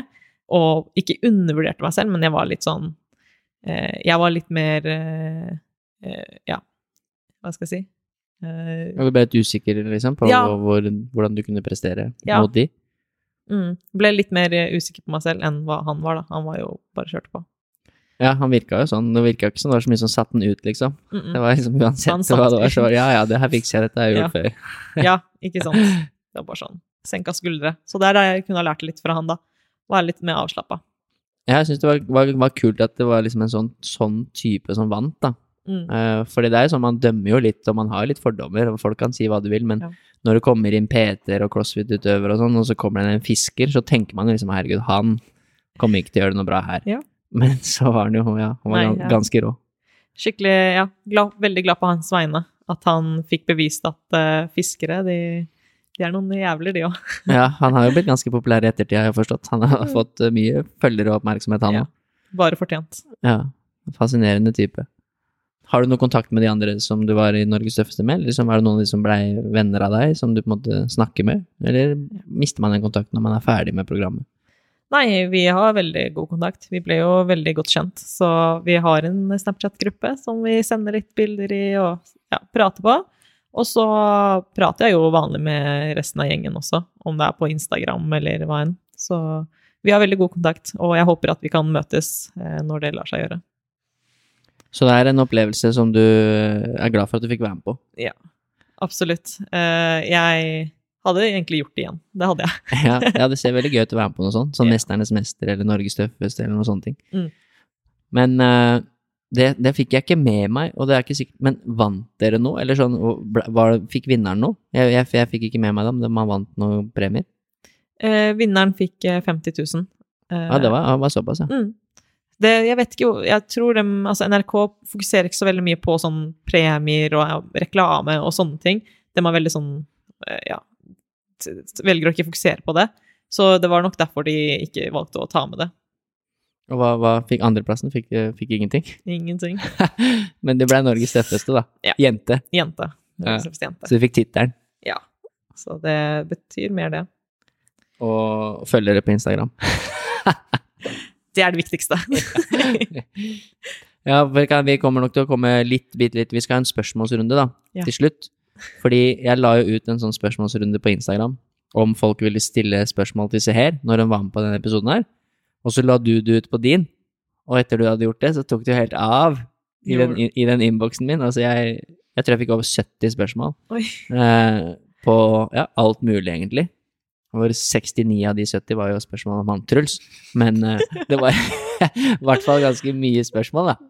Så jeg tenkte vi skulle gå gjennom noen av de. Eh, og det er litt forskjellig, altså. Så, og noe av det har vi jo allerede snakket litt om, og sånn, så kanskje blir litt sånn eh, repetisjon. Men så det første, vi kan jo ta det som alle lurer på. Som, altså, det var så mye spørsmål om han derre døds-Truls-fyren. Ja. Som du liksom flørta litt med på TV-en og sånn. Mm. Det er mange som lurer på da, om det var, er noe mellom dere, eller om dere har kontakt enda, og liksom om, om det oppsto noe romanse der, eller om det bare var sånn TV-greie, da. Altså, jeg har svart på dette, dette spørsmålet 100 ganger, og jeg vet ikke hva folk vil at jeg skal si mer. Det er sånn, Jeg føler at jeg har avklart det, men eh, likevel så tror jeg folk kommer til å spørre til de får høre det de vil høre. Men nei, eh, jeg og Truls har kontakt. Vi er, har, altså, som venner. Eh, vi prater sammen og ja, alt det. Men det er ikke noe mer enn det. Men eh, ja. Nei, jeg vet ikke. altså, det er det jeg har å si. Jeg håper at eh, Ja, vi, vi kommer sikkert til å møtes når hele gjengen møtes, og ja. Bare helt vanlig. Ja, det er bra. Ja. Så da har folk fått svar på det, Ja. at det var ikke noe mer Nei. enn det. Men det er sånn det blir. Folk syns det er litt sånn spennende, tror jeg, når det er litt sånn. Men eh, det andre er jo da, som også mange som stilte om, det, det handler jo egentlig ikke om ham, men han blir jo nevnt her også, om Seher er åpen for dates, Oh, ja. hun er fortapt i Truls. Det var to-tre som stilte inn en sånn, sånn type spørsmål, da. ja. Nei, eh, altså Selvfølgelig åpen for dates, men eh, det er jo Du må jo passe på den eh, strenge rutina mi, da. Mm. Om det matcher med de datene. Um, så ja. Det er alltid koselig, det. Ja. Du setter bare av tid til dates med meg, egentlig. Ja, det er, hvis du sier det, så. Torsdager eller søndager. Torsdager og søndager. Ingen andre. Men neste spørsmål er litt mer, det er kanskje litt kulere å svare på, det er ikke om Truls. Ja. Uh, han var jo kul type, forresten, da. Jeg skjønner at han var jo en, en kul fyr. Ja. Men uh, det neste er litt mer om det mentale. Og det er en som spør om uh, hva du tenker mentalt eller i hodet ditt når du på en måte er i kjelleren, eller når du er veldig sliten da, eller har motgang. Jeg tror det er sånn han tenker. Hva tenker du for noe da? Eller har du noe du sier til deg sjøl, liksom, ja. Mm, ja. De gangene eh, jeg ofte er i kjelleren, er hvis jeg på en måte har hatt en treningsøkt som ikke har gått som jeg ønsket det skulle gå, eh, eller blant annet hvis jeg begynner å sammenligne meg selv med andre gode crossfittere, så kan jeg på en måte fort havne i den eh, kjelleren, da.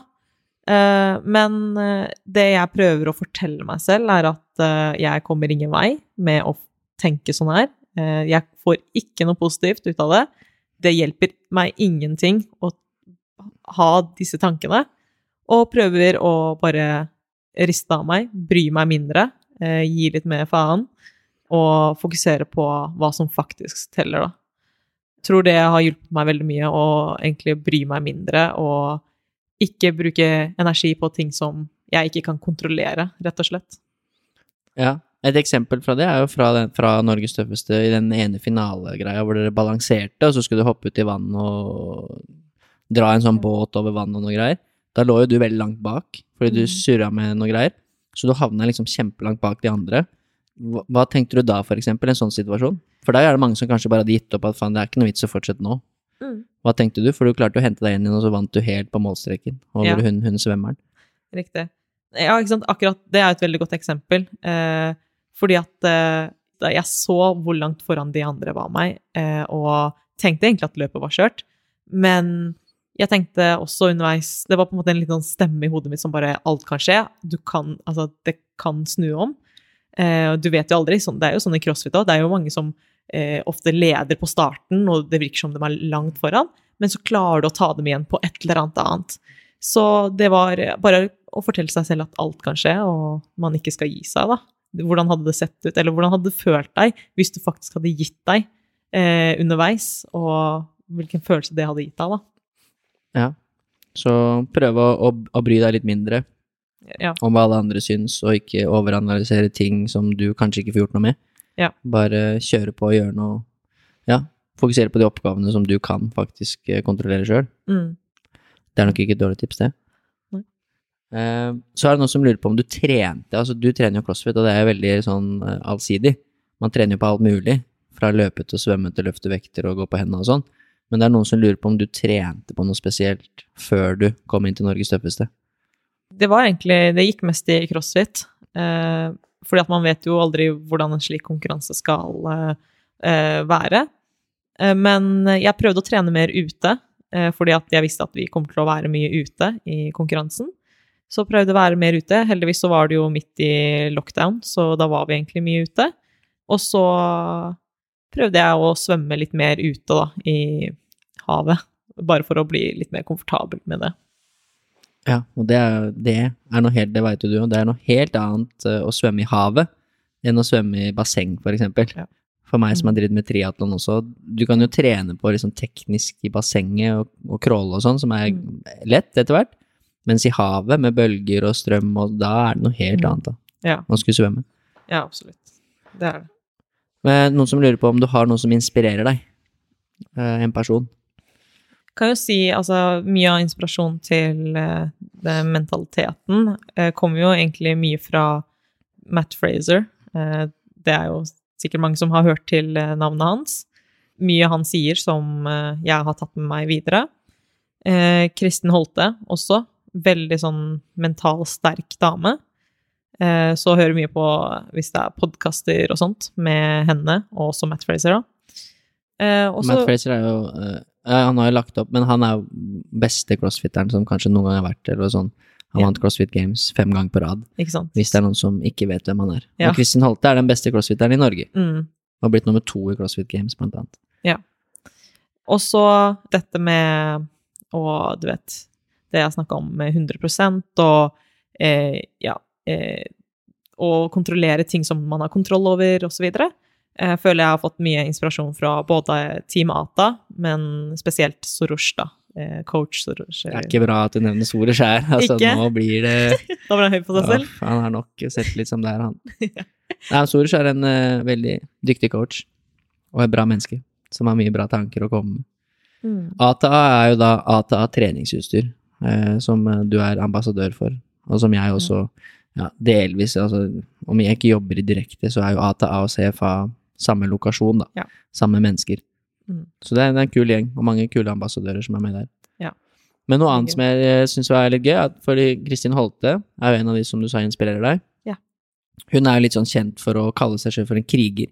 Ja. Eh, og jeg husker ikke om hun har noen tatoveringer, og sånn, men hun har i hvert fall et eller annet sånn med kriger på seg. På båndet sitt, eller et eller annet sånt. Mm. Uh, og så har hun også et program nå som heter uh, noe med kriger, da. Sånn treningsprogram. Ja, kriger, Eh, training.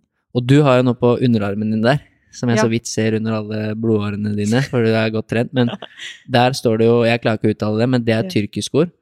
Ja, det står Savasje. Savashi. Ja, Og det betyr kriger. Ja, ikke Ja. sant? Så du er jo en kriger. Ja, Bare fra et annet land, kanskje. bare fra et annet land. Nei, det henger kanskje ikke sammen med Jeg visste jo ikke at eh, Holte gjorde det, kalte seg selv kriger, før jeg gjorde det, så kanskje det er liksom meant to be, da. At eh, vi begge gjør det. Sier, kaller oss selv for krigere. Ja, for det sa du jo litt om også i, i Norges tøffeste, da. At du er en tyrkisk kriger. Ja. Men bare kort, hva vil det si for deg? Hva, liksom, hva, hva representerer det for deg? Hvorfor tok du den tatoveringa? Å være en savasje eh, betyr å Fordi at før en konkurranse så er jeg veldig i min egen boble. Jeg er veldig sånn ofte rolig. Det er der jeg presterer best. Og veldig fokusert. Det er mange som ofte sier at de kan se det på blikkene mine når jeg er i mest, det mest fokuset Altså, jeg er mest fokusert. Eh, og bare gjør sitt absolutt beste eh, for å oppnå det man vil. Eh, og det er det på en måte kriger er for meg, da. Eh, uansett på en måte hva som står i veien, og uansett hva utfordringen er, så er du der for å gi ditt beste, og i etterkant er fornøyd med den innsatsen som du la inn. Ja, det er kult. Eh, bruker du det noen ganger, eller ser du noen ganger ned på den tatoveringa, eller et eller annet sånt? Eh, I Eh, vanskelige tider? jeg tenker det bare i hodet. At eh, når, når det er noen treningsøkter som jeg har lyst til å Altså når jeg er i mitt beste, da, så bare tar jeg frem den savasjen som jeg er, og gønner på. Ja, det er kult. Eh, et annet spørsmål er om du gikk ned noen kilo under Norges tøffeste, for det blei liksom prat om han der ene PT-en, i hvert fall. Tror jeg nevnte at han gikk ned veldig mange kilo. Ja. Hvordan var det for deg? Så det fikk jo ikke spise og sove like mye som du vanligvis gjør, da. Mm. Jeg gikk ned jeg tror seks eller syv kilo på to uker. Seks eller syv kilo, ja. ja. Fordi vi måtte veie oss selv før den tømmerstokkonkurransen. Nei, unnskyld, vi veier oss selv før eh, da vi skulle holde eh, de vektene der Martin gikk ut. Ja, ja, når du holdt det der som ble heist opp. Ja. Mm. Eh, og da eh, så jeg at jeg hadde gått ned så mye, og egentlig hele gjengen hadde gått ned ca. samme. Så ja, det er mange kilo på to uker. Ja. Og det, den konkurransen så forresten jævla tung ut. Jeg, når, når det liksom tenkte jeg sånn, det er ikke så vanskelig, men når det, den ble heist opp, da så det fryktelig tungt ut. Men det, så hvor ja. blodig man blei på henda og ja. Altså, jeg skal ikke høres cocky ut, men jeg syns ikke det var så tung. Nei, Jeg du syns- gjorde det jo bra inn, da. Ja, jeg, jeg, og det tok de jo ikke med på intervjuene, for de, altså, du vet at den konkurransen varte sånn 15 sekunder. Det var kun Ja, 15 det var så kort, ja. Ja. Vi, Det så ut som i mange minutter når du så det på TV-en. ja, ikke sant. De måtte jo klippe sammen og Ja. bygge opp eh, spenninga. Men eh, til og med hele casten var jo veldig sånn sjokkerte.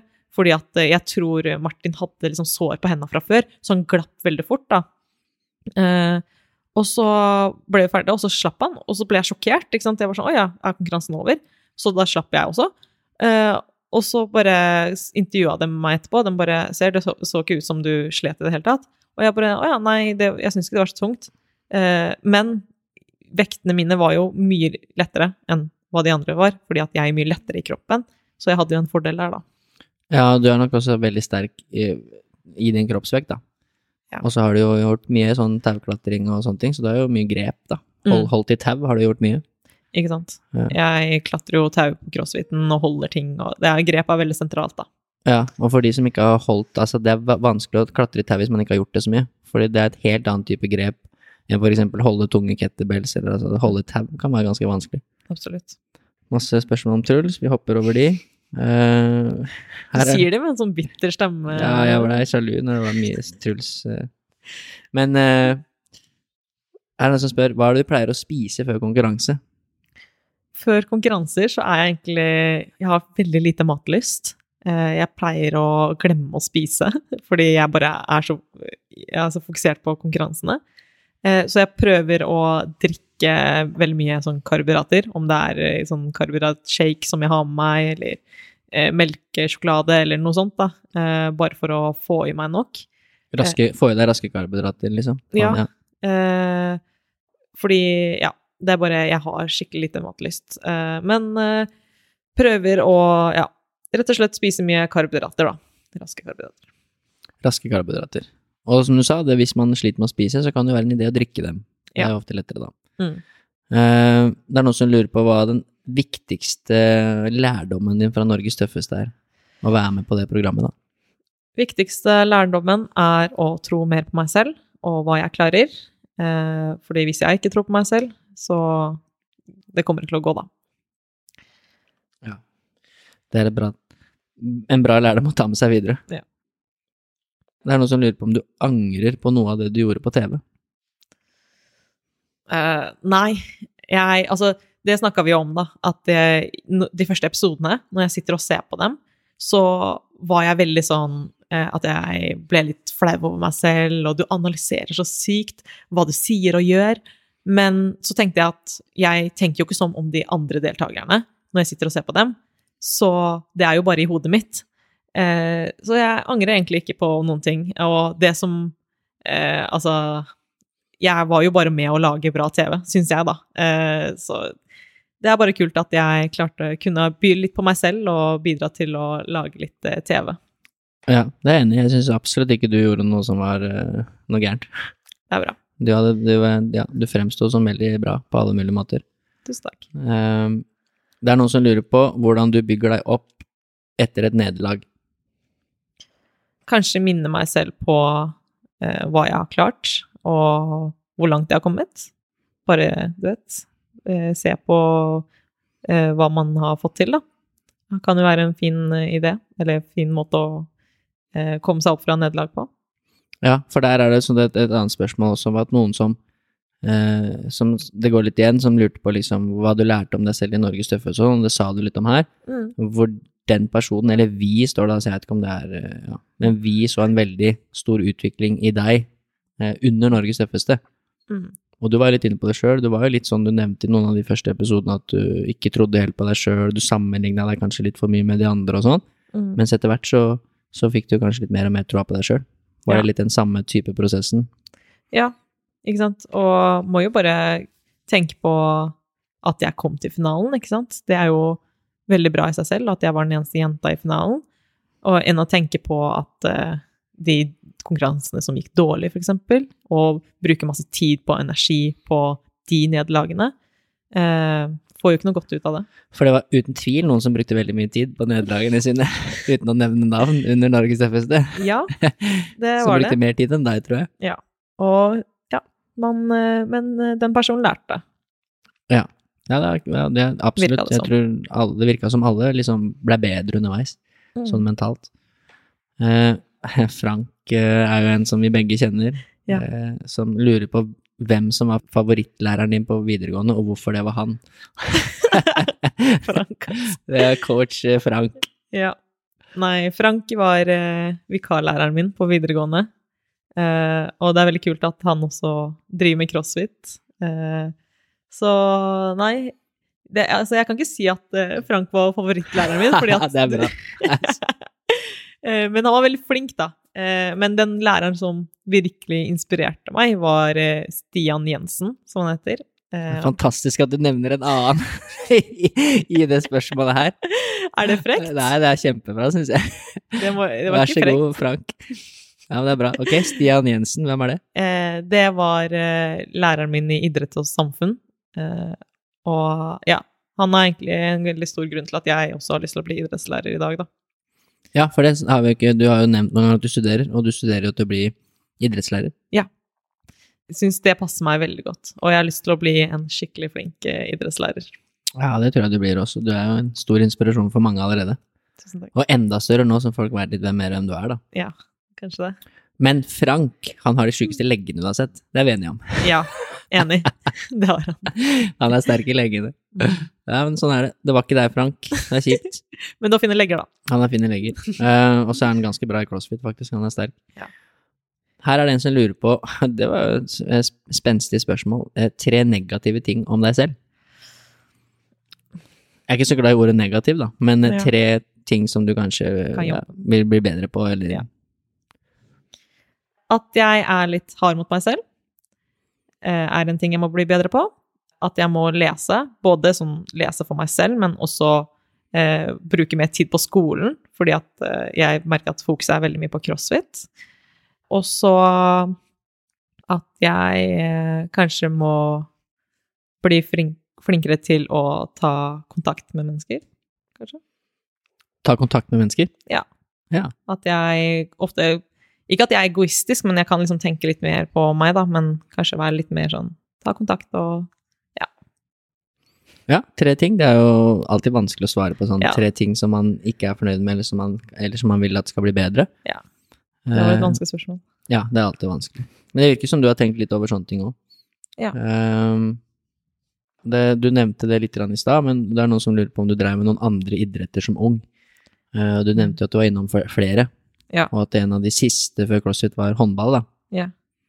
Uh, ja, jeg har drevet med masse forskjellig. Uh, badminton har jeg drevet med, jeg har drevet med svømming, som jeg sa. Uh, jeg har drevet med friidrett, dans.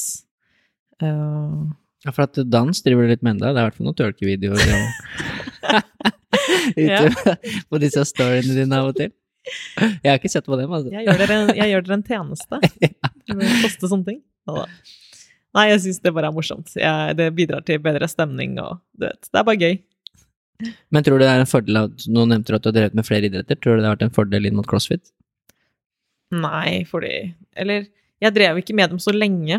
Det var håndball som var mest, men da var jeg jo keeper, ikke sant, så det var jo liksom ikke så mye jeg fikk fra det, da. Men jeg har bare alltid likt å Ja. Vi løp jo veldig mye på håndballen, og vi tok sånn pushups-konkurranser og sånt, da. Så det kan jo ha hjulpet meg, da, mot Mm. eh, crossfit. Ja, i hvert fall har du hatt en bra treningsmengde, i hvert fall. Eller er vant til å trene mye, da. Mm. Det hjelper jo sikkert litt. Ja, Man er vant til å utsette kroppen sin for mye aktivitet. Mm. Eh, For det må du definitivt i crossfit, da. Ja. Det var noen som lurte på, og jeg lurte litt på det, jeg tenkte vi skulle sette av noen eh, minutter til å prate om. Var det noen som lurte på om du var religiøs? Eh, Fordi du nevner jo også litt i Norges tøffeste. Du Mm. nevnte litt om liksom, ting du sa til deg, da. Religiøse ting før konkurranse og så. Mm. Eh, Og jeg vet også at du er det.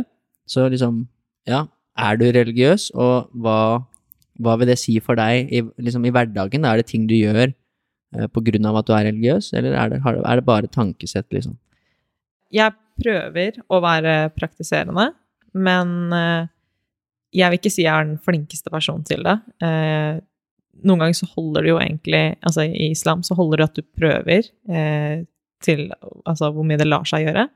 Mamma var jo opptatt av at vi skulle være religiøse, for det er der røttene våre er fra.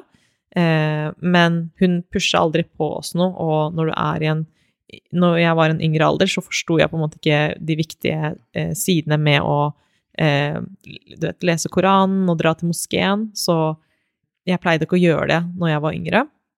Men nå som jeg har Men du fikk velge det selv, om du ville det eller ikke. Ja, Mm. og det er jeg veldig takknemlig for, fordi at jeg merker at det, det er noe som kan kanskje bli litt på en måte jernvaska eh, når man har en religion, og foreldrene på en måte tvinger deg på en religion. Så kan det ofte bli litt sånn at det, ja, at det er det som er rett. Eh, men jeg hadde mer valget selv, da. Eh, jeg, man skal aldri på en måte tvinge at eh, en person skal be, eller en person skal faste, osv. Så, videre. Så Og jeg vil ikke si at mamma er jo ikke den mest praktiserende heller, eh, men eh, hun kan be, hun kan eh, historien, og hun kan alt det her. Men det som på en måte gjorde at jeg tok mer tak i det her, var at når jeg dro til eh, Tyrkia og var med besteforeldrene mine, så merka jeg veldig at eh, jeg kan veldig lite om religionen min, og det var nesten litt flaut. Eh, fordi jeg likte ikke å dra til Tyrkia og være med familien min og ikke vite eh, f.eks. hvordan jeg skulle be, eller eh, når de fortalte meg ting og snakka om ting, så kunne jeg på en måte ikke bidra så mye.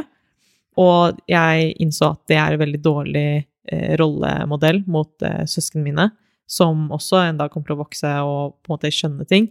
Så det var egentlig da jeg begynte å lære meg å be, eh, og også begynte å be for konkurranser. Og, det trenger ikke å være sånne store greier, men bare at man på en måte eh, ber til Allah da, og sier liksom 'hjelp meg i den konkurransen her', eksempel. Eh, også etter at det har Hvis jeg har klart noe, eller hvis jeg skal noe, at jeg på en måte ber til Allah og eh, har en dialog. Det bare, så det er bare liksom sånne småting.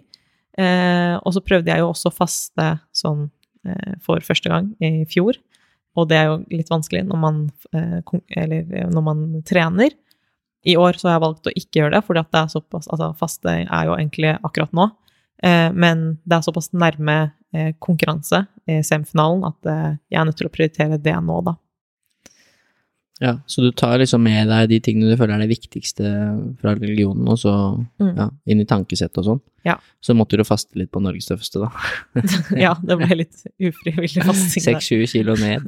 Ja. Men uh, uh, du sier at du gjør litt sånn småting som å be og måtte, ja, spørre om hjelp og, og kanskje være takknemlig og sånn etter konkurranser og etter du har oppnådd ting og sånn. Mm. Eh, hvilke andre, eller hva er det du liksom føler Er det noen ganger du har fått bruk for religionen sånn ellers, sånn i vanskelige tider, for eksempel? Sånn som for eksempel når faren din gikk bort, hadde religion noe å si da? For familien, for deg? Eh, ja, i hvilke settinger tror du det kan hjelpe å være troende? Eh, det det har hjulpet meg mye med, er holdninger. Fordi at det er veldig stort i islam, at man skal ha det Jeg leste en gang at man på en måte aldri skal tenke at man er bedre enn noen, eller at man er dårligere enn noen. At alle mennesker er på samme linje. Så det også har jeg på en måte tatt med meg videre. Også dette med å på en måte ha respekt for mennesker, og spesielt respekt for eldre. Eh, det er noe jeg eh, har med meg i på en måte hverdagen, da, og er på en måte den personen jeg er. Og så Altså, det gjør meg veldig glad, da, med dette med at eh, når jeg passer på disse tingene og det, det er ikke sånn at jeg pusher på det, men at det på en måte er den personen jeg er, eh, så påvirker det også mine søsken. Fordi at eh, her om dagen så kom jo lillesøstera mi, hun minste, og sa at hun hadde lyst til å prøve å faste. Og det syns jeg var veldig stort eh, for meg, da, fordi at eh, hun kan jo ikke så mye om eh, religion og islam, men hun kanskje har sett at jeg har gjort det, og ja, bare følte at hun hadde lyst til å teste det ut, da. Så det er liksom, dere har vært veldig åpne om det virker som at det, det er noe man kan velge selv. Eh, at du er bare den du er, og er et forbilde gjennom det. Du er ikke sånn at du prøver å pushe det på noen andre, eller at dette må du også gjøre. Eh, Men du kan da, da være åpen for det. Hvis hun kommer sånn som da med søsteren din og spør, Ja. så kan jo du snakke om det, og ja, hvordan det har vært for deg.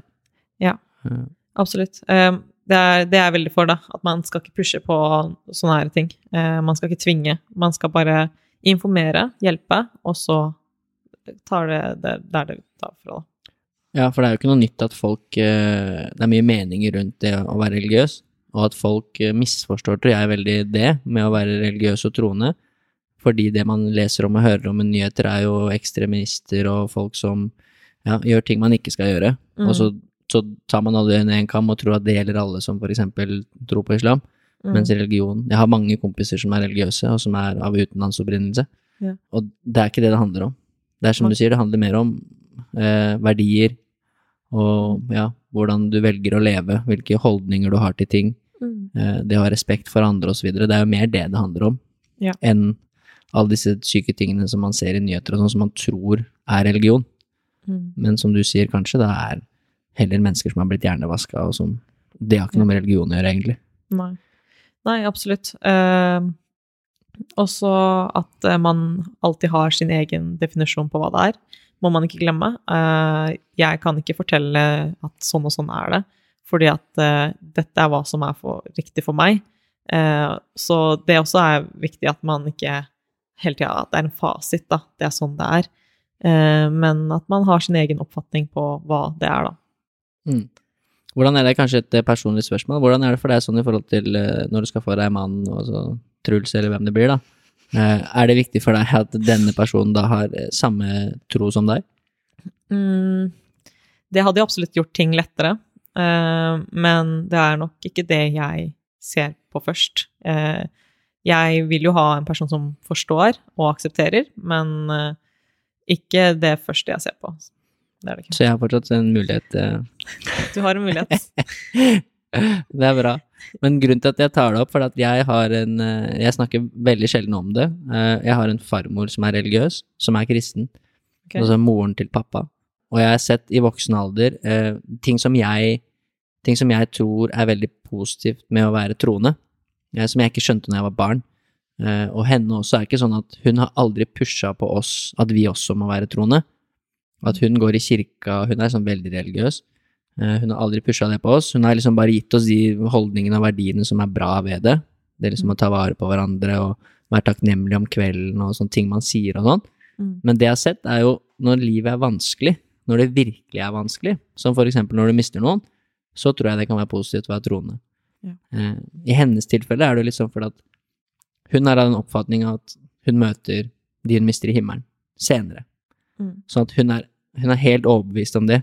Og jeg har jo sett at når hun mista jo sønnen sin, eh, altså broren til pappa for noen år siden, okay. så er det tøft å miste ungen sin, men hun er jo helt overbevist om at hun skal se han igjen. Ja. Så det har hjulpet henne å gå videre. Det har Mm. hjulpet henne å ha et bedre liv. Ja. Mens jeg tror ikke på det. Så for meg, eller for kanskje de som ikke er troende, er det vanskelig, tror jeg, å finne svar. Ja. Eh, for jeg tror ikke at jeg vil se han igjen, eller liksom. Jeg har ikke lært å tro det. Mm. Så jeg vil, liksom, når livet er skikkelig vanskelig, så tror jeg det kan være fint å ha noe å tro på. Mm. Eh, Det er jo veldig fint at du nevner, og det er jo for så vidt sant. Eh, fordi at eh, jeg husker også når jeg mista faren min, og jeg var i Tyrkia, så var Det var liksom ingen Nesten ingen i familien var sånn superødelagte, ikke sant? De var jo ikke så eh, lei seg. Fordi at de, akkurat det du sa, at de sa dette var Allah sin plan, dette var det som skulle skje, og vi kommer til å møte han i himmelen. Det var liksom det dem sa, da. Ja, jeg tror det i sånne tilfeller er ja, at det kan være fordelaktig å være troende. Mm. Og at det er jo ofte da man ser folk, når det virkelig man er på bunn, så ser man folk kanskje ber, eller Men de vet ikke helt hva de ber til. Eh, Men Mm. de prøver å finne svar eller trøst et eller annet sted, da. Og det har jeg sett veldig i farmor, at det hjelper henne eh, Ja. å måtte gå videre når sånne ting skjer, da. Så jeg ser mange positive ting med å være religiøs. Mm. Eh, Men noen spørsmål til slutt. Vi har jo nå hatt mange fra eh, folk der ute som har lurt på ting rundt deg. Og vi har prata om hvem du er, hvor du kommer fra, dette med faren din. Kanskje litt at disse tingene har vært med å definere den du er. Jeg Mm. tror det er mange utenfra som faktisk ser på deg da, som veldig tøff. Selv om Ja. du nå faktisk ble Norges tøffeste jente og alt det der, så tror jeg det er mange som ser på deg, som ser opp til deg på grunn av det. Og det er jo ikke tilfeldig. Det har jo blitt det gjennom erfaringene dine og de tingene du har opplevd og sånn. Og at du driver med crossfit og er flink på det og, og studerer og ja, legger ned den jobben for å bli god, da. Mm. Eh, men jeg har også noen sånne avsluttende spørsmål som jeg ofte stiller. Ja. Og du har hørt på podkasten min før. Jeg vet hvilke spørsmål det er. Så nå har jeg gjort helt om, så skal jeg stille om Nei, nei, jeg skal ikke. Eh, jeg må jo stille de samme, selv Ja. om jeg tror kanskje du har tenkt litt over det. da. Men eh, det ene er jo hva, hva du er mest stolt av i livet ditt akkurat nå. Det jeg er mest stolt av, er jo Vi har jo vært litt inn på det, men eh, det er at jeg gjør 100% hva jeg har lyst til å gjøre akkurat nå i livet. At jeg gjør akkurat det som passer meg, og det som fungerer for meg. Ja, det er eh, noe som eh, Ja, et tips som jeg tror mange kan ta til seg. Bra. Eh, og så det siste året, eh, eller ja, hva er den viktigste lærdommen du har hatt? Viktigste lærdommen er at, eh, at jeg har innsett at uansett hva som skjer, så ordner det seg uansett. Ja. Man kommer til finalen uansett. Det ordner seg. kommer til den finalen. Det ordner seg. Um, ja, men det er veldig bra. Det, det var jo litt kjedelig, det var vel enkelt for deg å svare på der. Jeg burde gitt deg noe vanskeligere. Det blir, er det folk som pleier å slite litt? Veldig. Ja. Nei, jeg- men det er jo, for det er jo spørsmål som ikke alle tenker over. Ja. Eller jeg tror det er veldig mange som ikke tenker over det. Kanskje spesielt det med hva man er stolt over og sånn. Jeg tror det er mange som, ja, som ikke tenker over det. Ja. Ja. Nei, jeg, jeg Altså, jeg visste jo for det første at jeg, de spørsmålene kom til å komme i dag, men også fordi at jeg vet helt klart hva jeg er stolt over. Bra, og det er en, en god egenskap. Men eh, ja, det helt til slutt, da, er det noen for hvis det er noen der ute som eh, satser på noe, har lyst til å bli god i noe, trenger ikke være crossfit, det kan være hva som helst. Hva er liksom ditt tips til de der ute? Eh, Du har jo vært inne på det, men for Mm. å kanskje oppsummere litt. da. Eh, Det er å være tålmodig. Eh, Det er veldig viktig, og det er kanskje det vanskeligste. Men å være tålmodig og bare gi 100% og du lærer mens du går, så bare gi det tid, og vær fokusert i det du driver med, hvis du virkelig tror på at du kan bli god i det, og så kommer resultatet til å komme. Ja, og det høres jo lett ut òg. Det høres, ja, det høres eh, veldig eh, lett ut, men eh, det krever mer av deg. Ja, det er det kjedelige svaret som du var inne på i stad. Du må legge ned jobben. Men det er bra, Ser. Eh, takk for at du var med. Det var mye å prate om, Ja. og det var hyggelig å ha deg på besøk. Jeg syns det var fint. Fin episode. Det er mange som kommer til å bli inspirert av det her. Og det er mange som kommer til å få svar på ting, så de kanskje slutter å sende deg melding på kvelden. Da trenger de ikke å spørre om det. Ja. Etter klokka Etter klokka ti så er det ikke vits å sende melding, for da sover du uansett. Så. Så mellom ti og sju, da trenger du ikke å sende melding. Tusen takk for at du har satt av tid til å lytte. Det setter jeg stor pris på, og jeg håper at du sitter igjen med noe verdifullt. Hvis du ønsker mer inspirasjon til trening og helse, følg meg, coach Elo, på Instagram. Der kan du også stille meg spørsmål, samt komme med tilbakemeldinger til podkasten. Du finner lenken i episodebeskrivelsen.